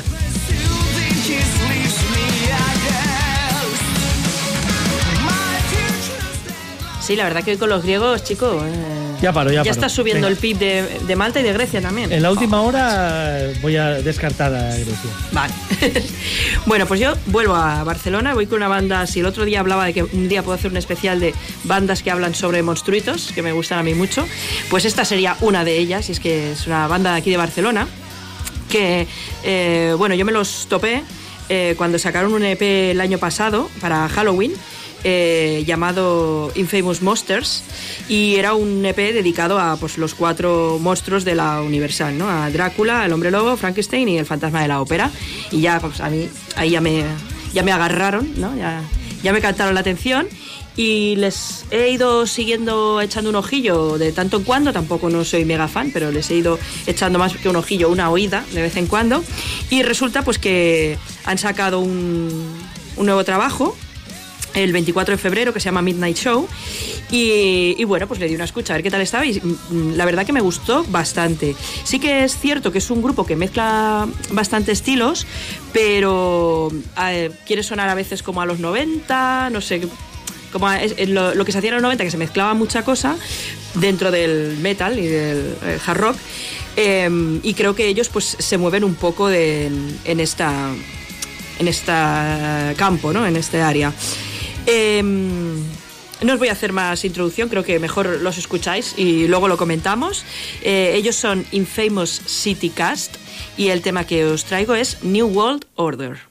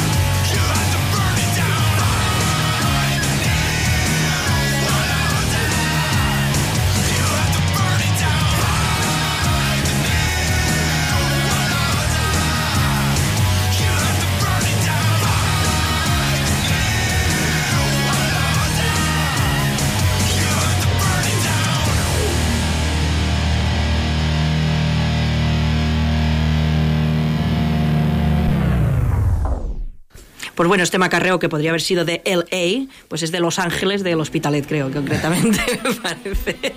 No sé, son. eh, creo que son de. O sea, sé que son de la Barcelona o cercanías, pero tampoco los tengo muy, muy ubicados. Y nada, pues macarreo, temáticas así muy divertidas. Pero este tema en concreto lo pincho porque eh, es el único que es de reivindicación social, ¿no? Con esto del New World Order ya nos habíamos olido la tostada todos, que es de lo que se habla cuando queremos hablar de teorías de la conspiración, de el club, ¿cómo se llama? Heidelberg, este no sé cómo se llama, Heidelberg, no sé cómo se llama. Heidelberg, sí. El club, que sea lo que sea, que no me acuerdo del nombre, de esta gente Este donde que la reina. Sofía maneja los hilos del mundo. Ah, vale. ¿No decían eso? Sí, ah, bueno, pues si es la reina Hostia, Sofía la que lo hace, no me molaría mucho. Nobody expected the Spanish Inquisition, a ver. Correcto. Eh, y nada, que os lo recomiendo, por, ya te digo, que ah, hay mucha variación en el disco, se mantiene todo así, con hard rock fiestero y, y está muy, muy recomendable. Yo no voy a una banda con eh, reivindicación social. eh, voy a una banda eh, que podríamos clasificar o podríamos meter en la lista de bandas que me la han colado. Ah, bien, Sí, me voy con los austríacos Roadwolf Ah, e Himno. Con los que yo me emocioné mucho porque sacaron un single fantástico de este Midnight Lightning que acaba de ver la luz. hace tanto te de emocionaste días. que me pisaste el candidato a Eurovisión, dilo. Así es, así es. Eh, segundo trabajo de la banda después del Unchained Wolf de 2021. Sacaron aquel, además el tema que abre el disco, On the Run. Dije, Dios mío, esto va a ser un Tremendo. pelotazo de hard heavy que me voy a morir. Yo tengo un problema, ya lo sabéis, lo repito mucho, con los medios tiempos y con las bandas que sacan eh, temas de hard heavy muy chulos y muy potentes y muy rápidos y luego dicen, ah, ¿para qué ir en quinta si podemos bajar un par de marchas? Y esto lo hacen cojonudo. Road Wolf, un eh, disco nutrido de un gran, gran, gran número de buenos temas, pero que a mí se me queda un poco flojito precisamente por eso. Sin embargo, sin embargo, me dan bocanadas de aire, en este caso en la mitad justo del disco, así que vamos a homenajear a estos Road Wolf un poquito más cañeros con Hike Under Pressure.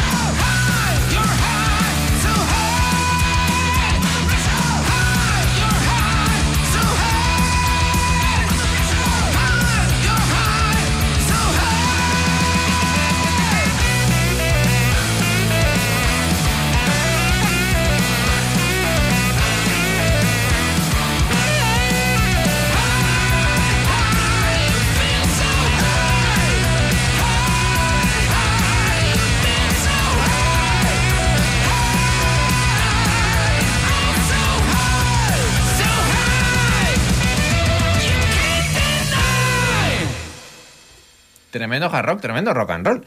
Este Midnight Lightning de Road Wolf, que mola un montón hasta que no.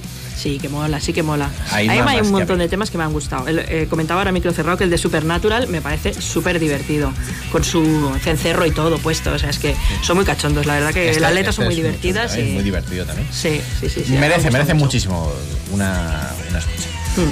Pero vamos a dar un golpe de timón ahora mismo, un giro de timón, Tony. Eh, sí, porque hay, hay tantas novedades últimamente que no, no llegas a todo. Es así, eh, es- lamentablemente es así. Y pasó por debajo de mi radar el disco que os presento ahora, que si hubiera pasado por encima de mi radar habría participado por Alemania en Eurovisión y habría ganado evidentemente Eurovisión del Metal. Bueno, que aún puedes ganar, Tony, que Noruega va muy bien, según veo en los votos de la gente en el chat. Habría ganado Alemania, Alemania, ¿Alemania? habría ganado fácil eh, en este caso. Estoy hablando de la obra de Jürgen Walser, un eh, guitarrista que tiene un proyecto llamado Dispiria, que el pasado 10 de febrero, ni más ni menos, sacaba un disco que, como digo, pasó eh, muy por debajo de mi radar. Y, y es raro porque es su tercer trabajo, eh, The Story of Marion Dust, un disco conceptual sobre una historia eh, de la que no he conseguido encontrar eh, la, la historia real. Yo pensaba que era un caso real y realmente no he, encontrado nada acerca de ello. Todo me lleva este disco, toda la búsqueda que he hecho, con lo cual parece que es una historia original del de, del amigo Jorgen. La particularidad de este disco, como os decíamos hace pocos días, por ejemplo, con el grupo bielorruso Kionda que, puse aquí en Eurovisión, cantaba Ral Shippers. Aquí también canta Ral Shippers. Con Ankara canta Ral Shippers en su nuevo single. Shippers ahora canta en todos los discos. El nuevo Ronnie Romero. También está Canstel Little Schultz, pero eh, el principal vocalista de este trabajo de Dispiria es Zack Stevens, pero no el Zack Stevens de Arcon Angel. Y es que os hablábamos de la reunión de Sabotage de cara a 2024.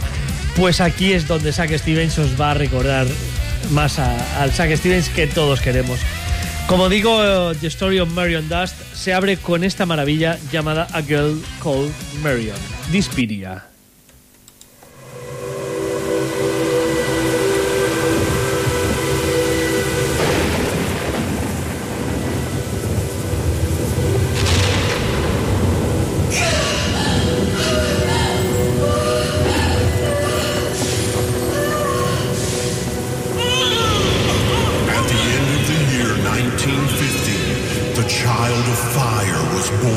Albion, the land of the Anglo-Saxons. She cloaks her destiny and carries with her the end of the world and humanity as we know it. The child must be captured and imprisoned in the chamber of eternity before she reaches the age of 12. What is necessary must be done.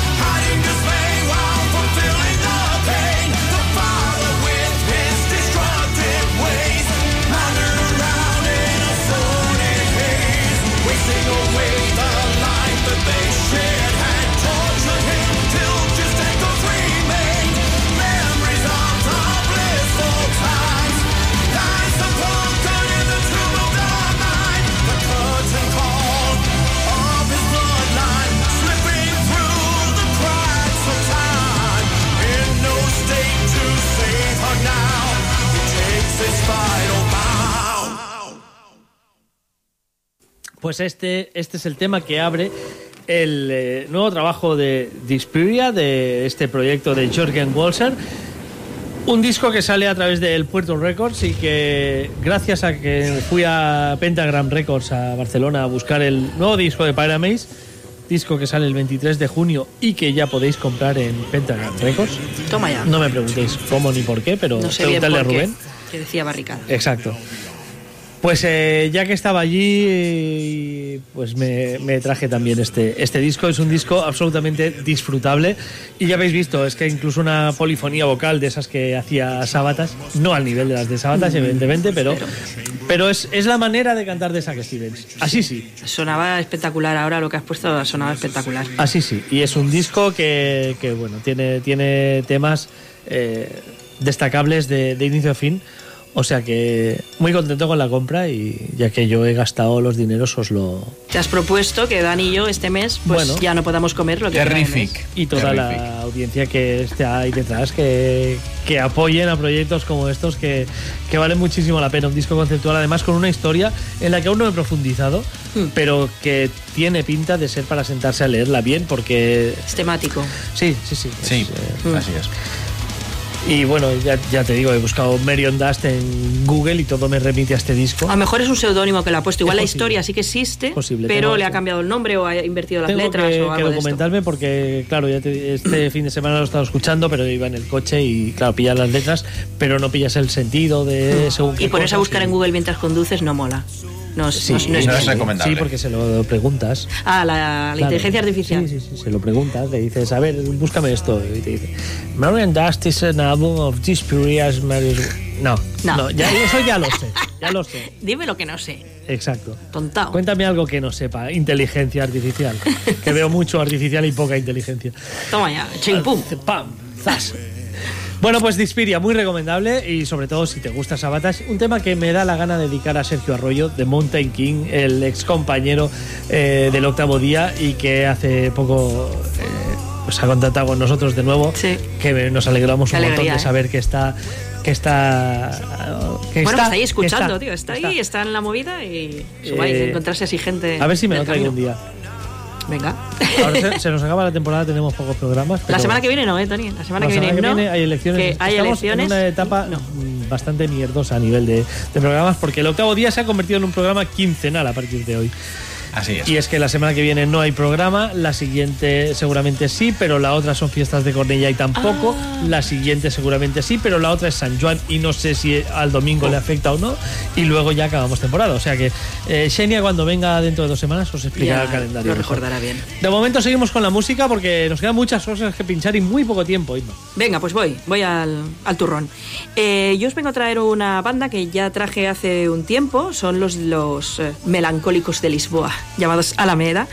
Eh, y es que han sacado un nuevo single porque parece que han firmado ya con una compañía, con Uprising Records, y bueno, esto es una buena señal porque va a querer decir que va a salir disquito, esperamos disco o al menos EP. Eh, nos han dado un nombre de un EP llamado Alma, pero no nos han dicho cuándo va a salir exactamente, entonces yo no sé si va a haber EP, va a haber disco, ¿qué va a haber? ¿Qué vamos a ver de esta gente?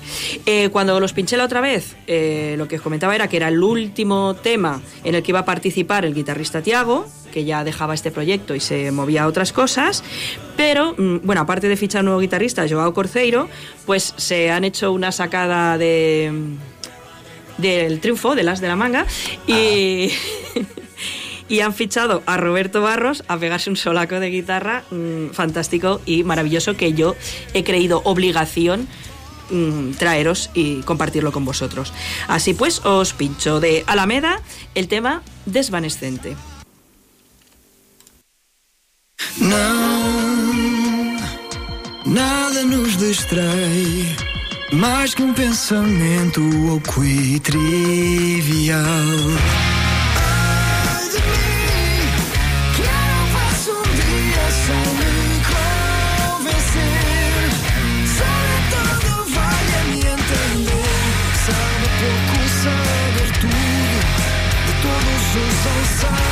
Pouco a pouco mais a fundo no sofrimento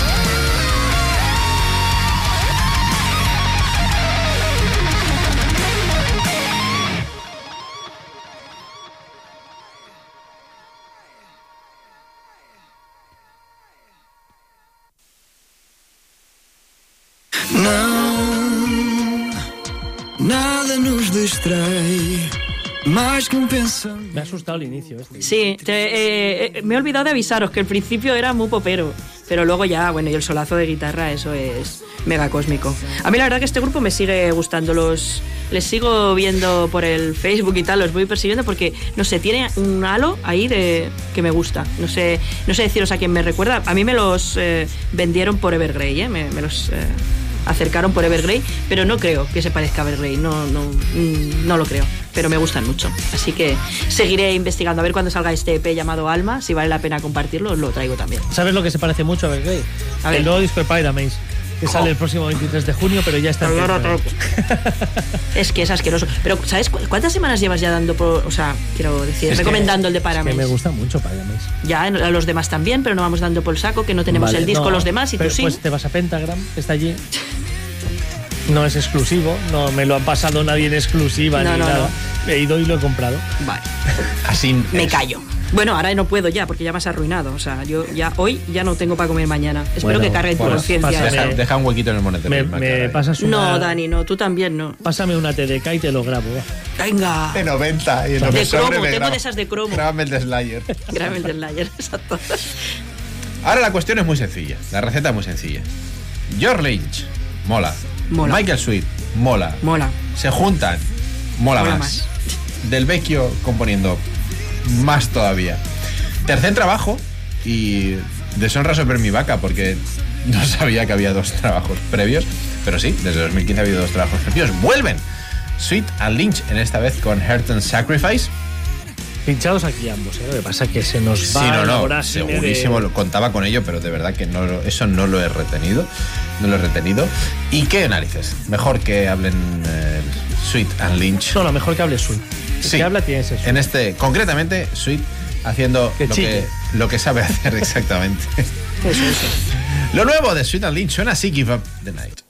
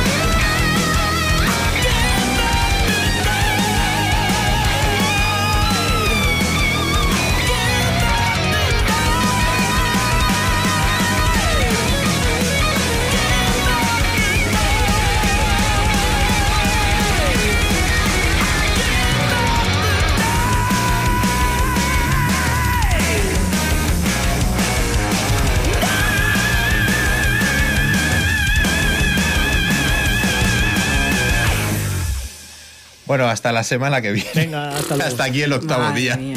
Lo Qué mejor abuso. del metal. Qué abuso. Sweet and Lynch. Ah, no sé qué más decir. De verdad, estoy en éxtasis. Son unos Total abusones. y absoluto. Por parte de los dos. Pero claro, es que lo de Sweet ya me parece Lo de abusar. Sweet es, es abusón, no. pero, pero el Es que ese final con el solo, el otro haciendo lo que le da la gana con la guitarra y el otro cantando como le da Pero la gana. además, o sea lo, que, que- lo que hemos dicho antes, Michael Sweet, oh, como grita. No, no, es que sigue cantando súper limpio las melodías, genial. Es capaz de rasgar la voz, de subir, de bajar. Es- es- absoluto de cuando capturen a Daniel Heyman, después que se lleven a Michael Sweet también. A ver qué. Tiene 60 palos Michael Sweet. Pero de Michael Sweet, recordemos que pasó por una enfermedad de la garganta. Yo tengo la teoría de que ahí le han puesto algo. Es Y, y Cibor. no le, y no le afecta Le han puesto un. para cantar, pero lo- también el ojo. Es decir, que está el hombre que ha Sí, sí, pasado sí, por no, procedimientos médicos graves. Sí, sí, sí. Increíble.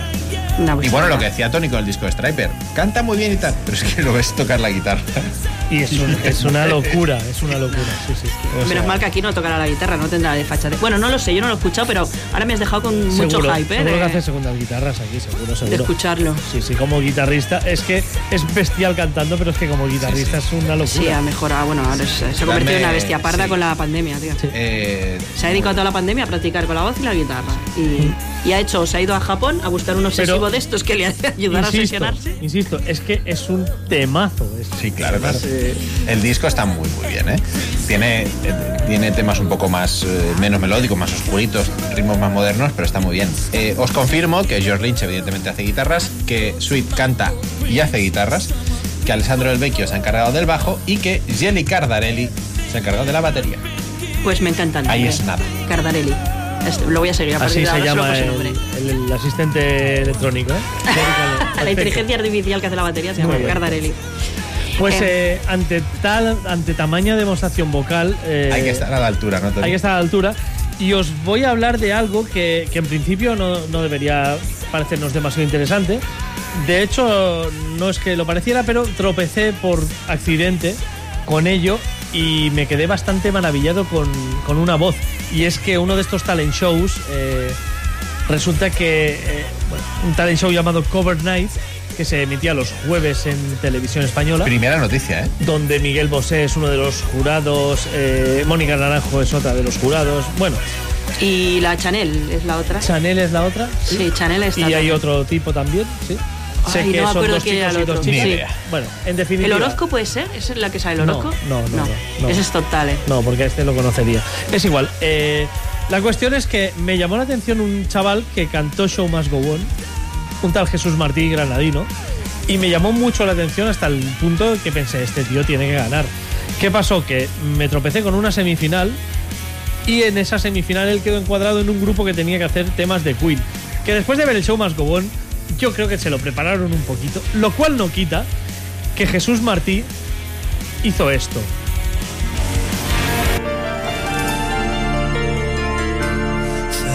Chance. All decided for us. This world's only one sweet moment set aside for us. Who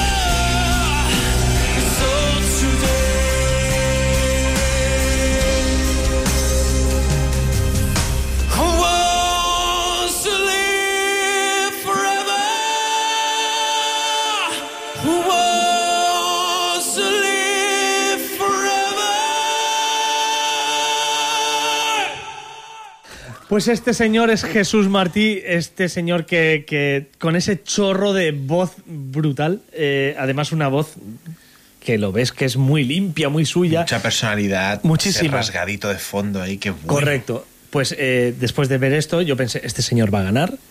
Efectivamente, este señor ha ganado Cover Night. Eh, si buscáis por YouTube están todas las versiones que, que ha cantado de estilos diversos, desde Eloís eh, emulando a Tino Gasal Hostia. hasta, sí, alguna versión incluso de Mariah Carey haciendo la rockera y, y quedando bastante bien. Bueno, eh, yo investigo sobre este señor, veo que participó en La Voz 2017, allí tuvo, tuvo menos, menos éxito que en Cover Night, y encuentro Waiting for Sunset. W4S. Waiting for Sunset es la banda donde Jesús Martí es cantante. No, es bajista. Bajo y voces. Toma ya. Bajo y voces porque la banda la, la componen eh, Goche Crespo, que es el vocalista eh, principal, Nacho Muñoz a la guitarra y Mario Nieto a la batería. Como digo, Jesús Martí es el bajista y segundas voces. Eh, voces limpias sobre todo porque Goche hace bastante gutural incluso. Y he visto que la banda era de post-hardcore. Hostia, pues ya me voy a por ella. O, o nu metal. A lo que he pensado, no me cuadra nada. Y escuchando esta canción, si esto es post-hardcore, soy un fan del post-hardcore. Os voy a poner Waiting for Sunrise. ay, perdón, Waiting for Sunset. Y el tema Hope of Fire.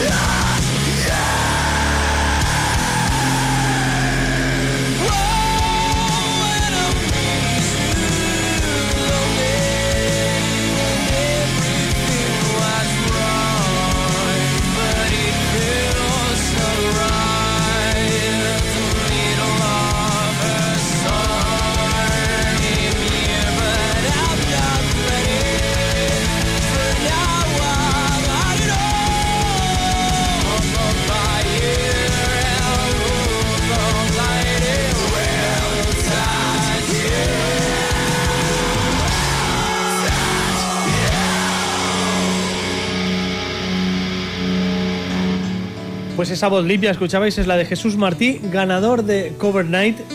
Me congratula que una banda, un cantante de metal, que al final es lo que es, eh, vaya a un concurso de estos y lo gane. Porque si esto es post-hardcore, llevo toda la vida escuchando post-hardcore. Yo he Sí, encontrado cosas de progresivo aquí y he encontrado cosas de metal melódico. Es cierto que es una banda que ha tocado con Esquizo, Sober y bandas de este estilo. Y la verdad es que suenan fantástico. Además, eh, si veis los videoclips, están curradísimos. Una banda que está muy cuidada en todos los aspectos. Y un vocalista que es fantástico y al que tenemos que poner en contacto, como decíamos ahora cerrado, con Mularoni. Con Mularoni ya. Con eh, Magnus Carlson. Serafino y Palante. Porque Hay que hacer algo ya. Realmente es un chorro de voz espectacular el que tiene Jesús Martí. Enhorabuena por ese, por ese triunfo.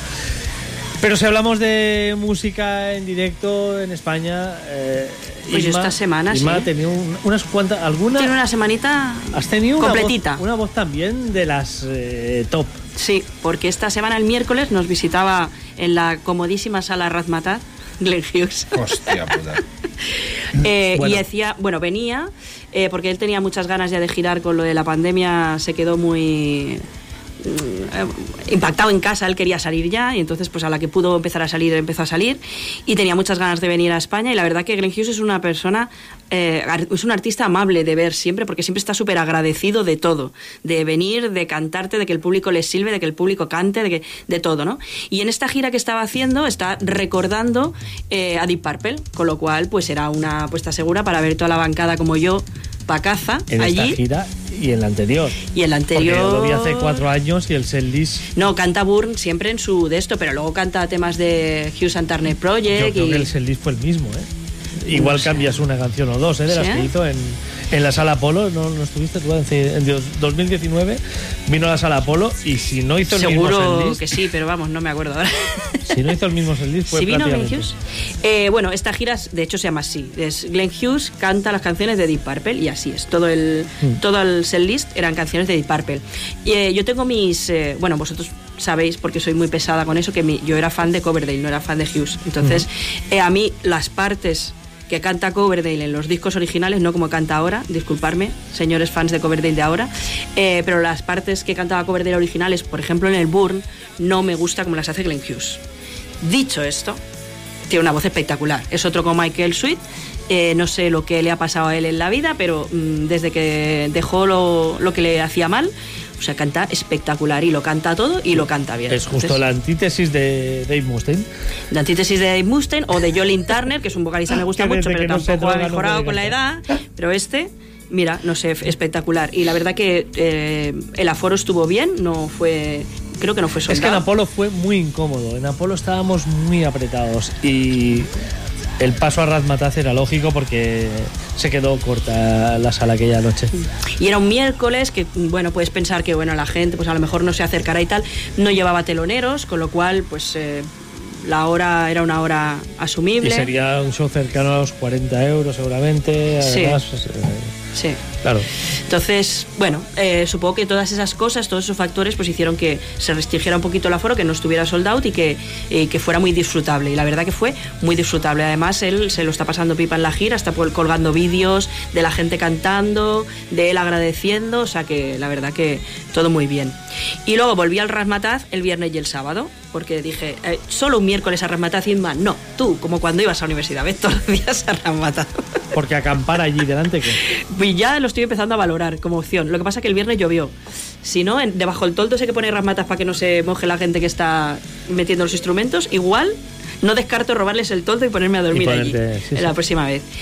Y es que venía, si Glenn Hughes venía cantando los éxitos de Deep Purple, pues el Drogas está haciendo una gira, que la cual he tenido ocasión de ver ya en alguna ocasión, eh, que es la gira de Barricada, del 40 aniversario de Barricada. Eh, si en una de las últimas giras que hizo Barricada eh, se jactaba el Drogas y nos decía que os voy a cantar las 40, pues en esta gira está cantando 35 temas de media, más o menos, Vaya, dependiendo de, esto. O sea que es- son conciertos largos, se repasa toda la, la discografía de Barricada y como no, pues tiene ese momento, bueno, de hecho me visteis haciendo una crónica express con Mark cuando salimos del primer concierto de, de esta gira en Barcelona. Eh, hicimos una crónica express, pero yo estaba un poco tocada aquel día eh, por la emoción. eh, porque siempre dedica un trocito del set a Bonnie, por supuesto, porque bastantes de las canciones que canta, pues, bueno, bastantes, no, canta tres o cuatro solo de las que cantaba tradicionalmente el Bonnie, pero claro, es inevitable porque si tienes que repasar la discografía de Barricada, pues tienes que cantarlas. A mí, eh, una de las que más me gusta es, por ejemplo, Barrio Conflictivo, y no sé si es a buen o a mal criterio que la, pone muy al principio, porque en Barricada esa canción solía ir al final. Y entonces lo que pasaba es que la parte punky de los fans de Barricada eh, la suelen liar un poco en esa canción. Entonces yo no sé si él ha pasado adelante precisamente para que no se líe tanto, pero bueno, es que la- deja al final otras tantas que, que también hacen bailar a la gente, diremos, para quedar correcto. Luego, por ejemplo, que meta al medio rojo, pues hace un lo que sería un, lo contrario a un desahogo dramático, eso es un ahogo dramático, porque es como la primera que te canta del Boni y entonces ahí es cuando eh, sale todo a relucir. Y, y la verdad que el repaso está muy bien. No hay, bueno, la banda que lleva está espectacular. Jesús Maraví, eh, mm, o sea, cada vez toca mejor. Yo no sé ese hombre con la guitarra ya, lo de vender guitarras ya que lo deje, porque ahora lo suyo ya es tocarlas. Está espectacular. Y eh, Brigitte Duque, que lo conocíamos de ser el cantante de Coma, pues que no se dedique nunca más a cantar en Coma, porque la batería mm, realmente cada día está mejor. De la gente del chat, el sábado pude ver a Richie, o sea que eh, pude saludar, cosa muy difícil, porque es que el, si el viernes, bueno, los dos días fue sold out, eh, pero el viernes estaba más cómodo, el sábado fue de los días horribles del Rasmataz, o sea, pero horrible. Mal.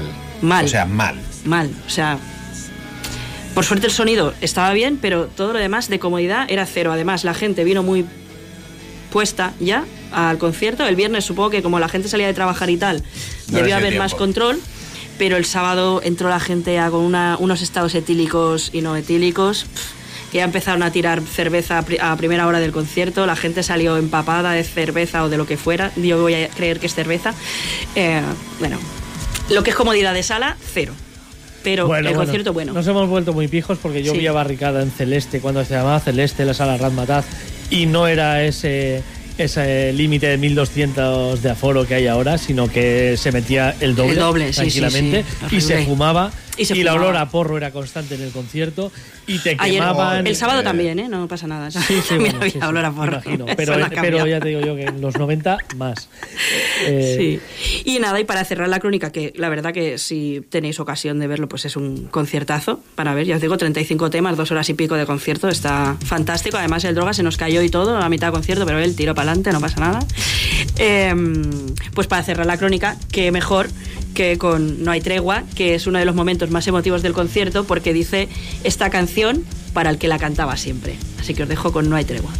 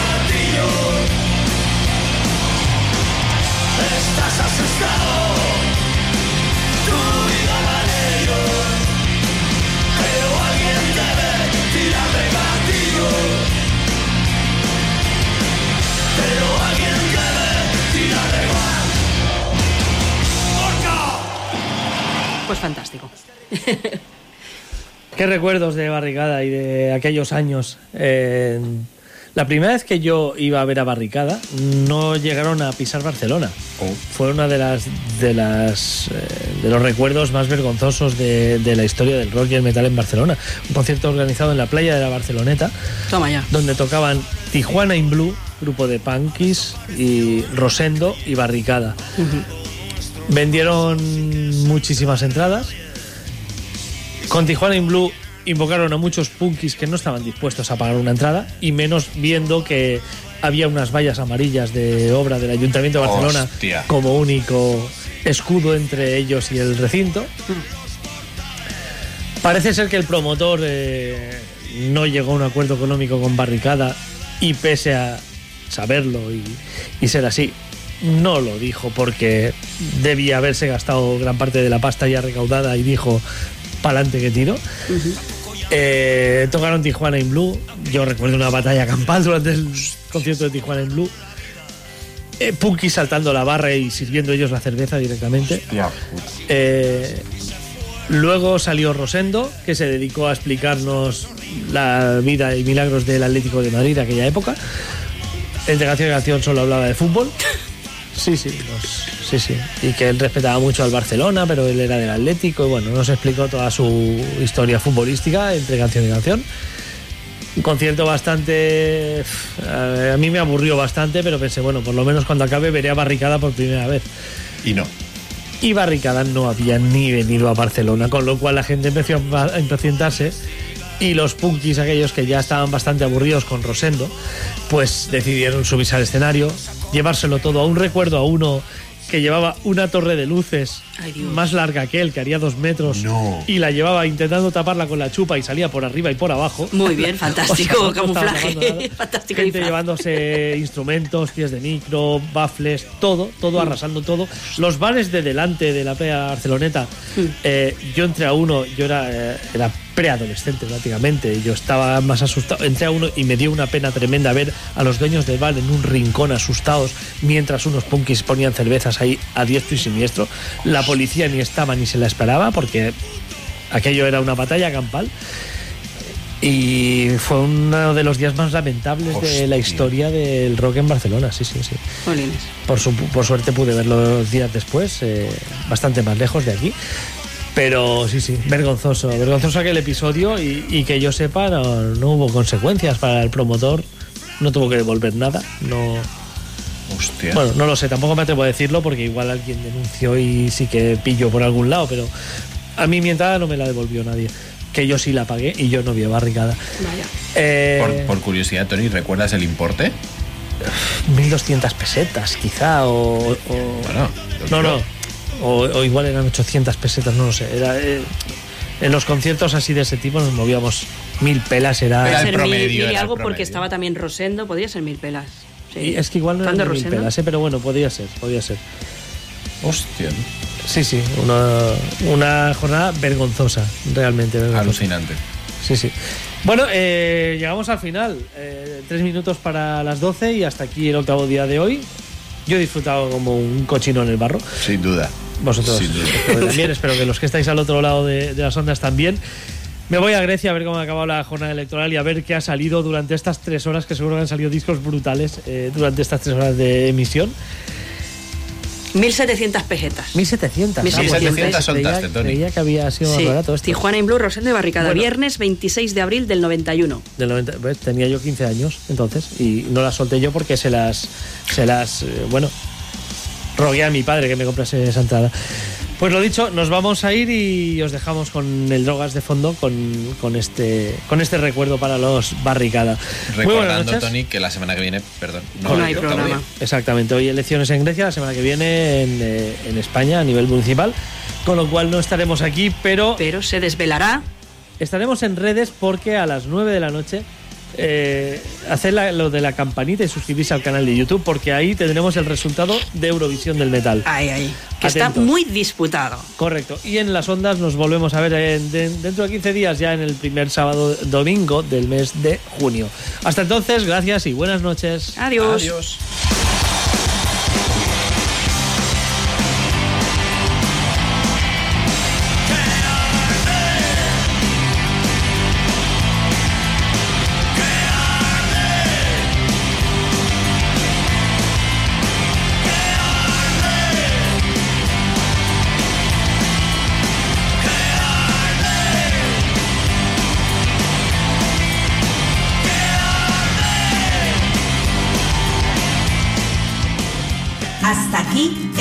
Día. Te esperamos el próximo programa con lo mejor del metal.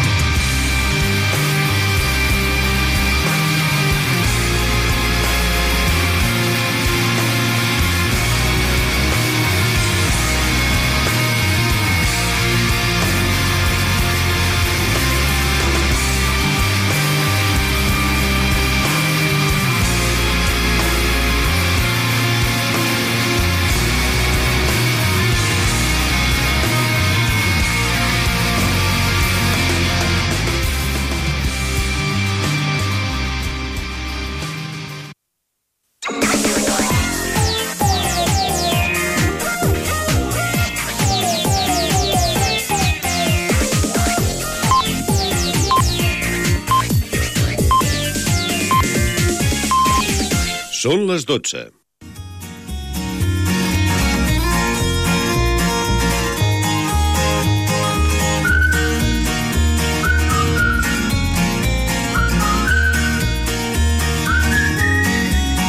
Molt bona nit. Ara comença a Ràdio Cornellà una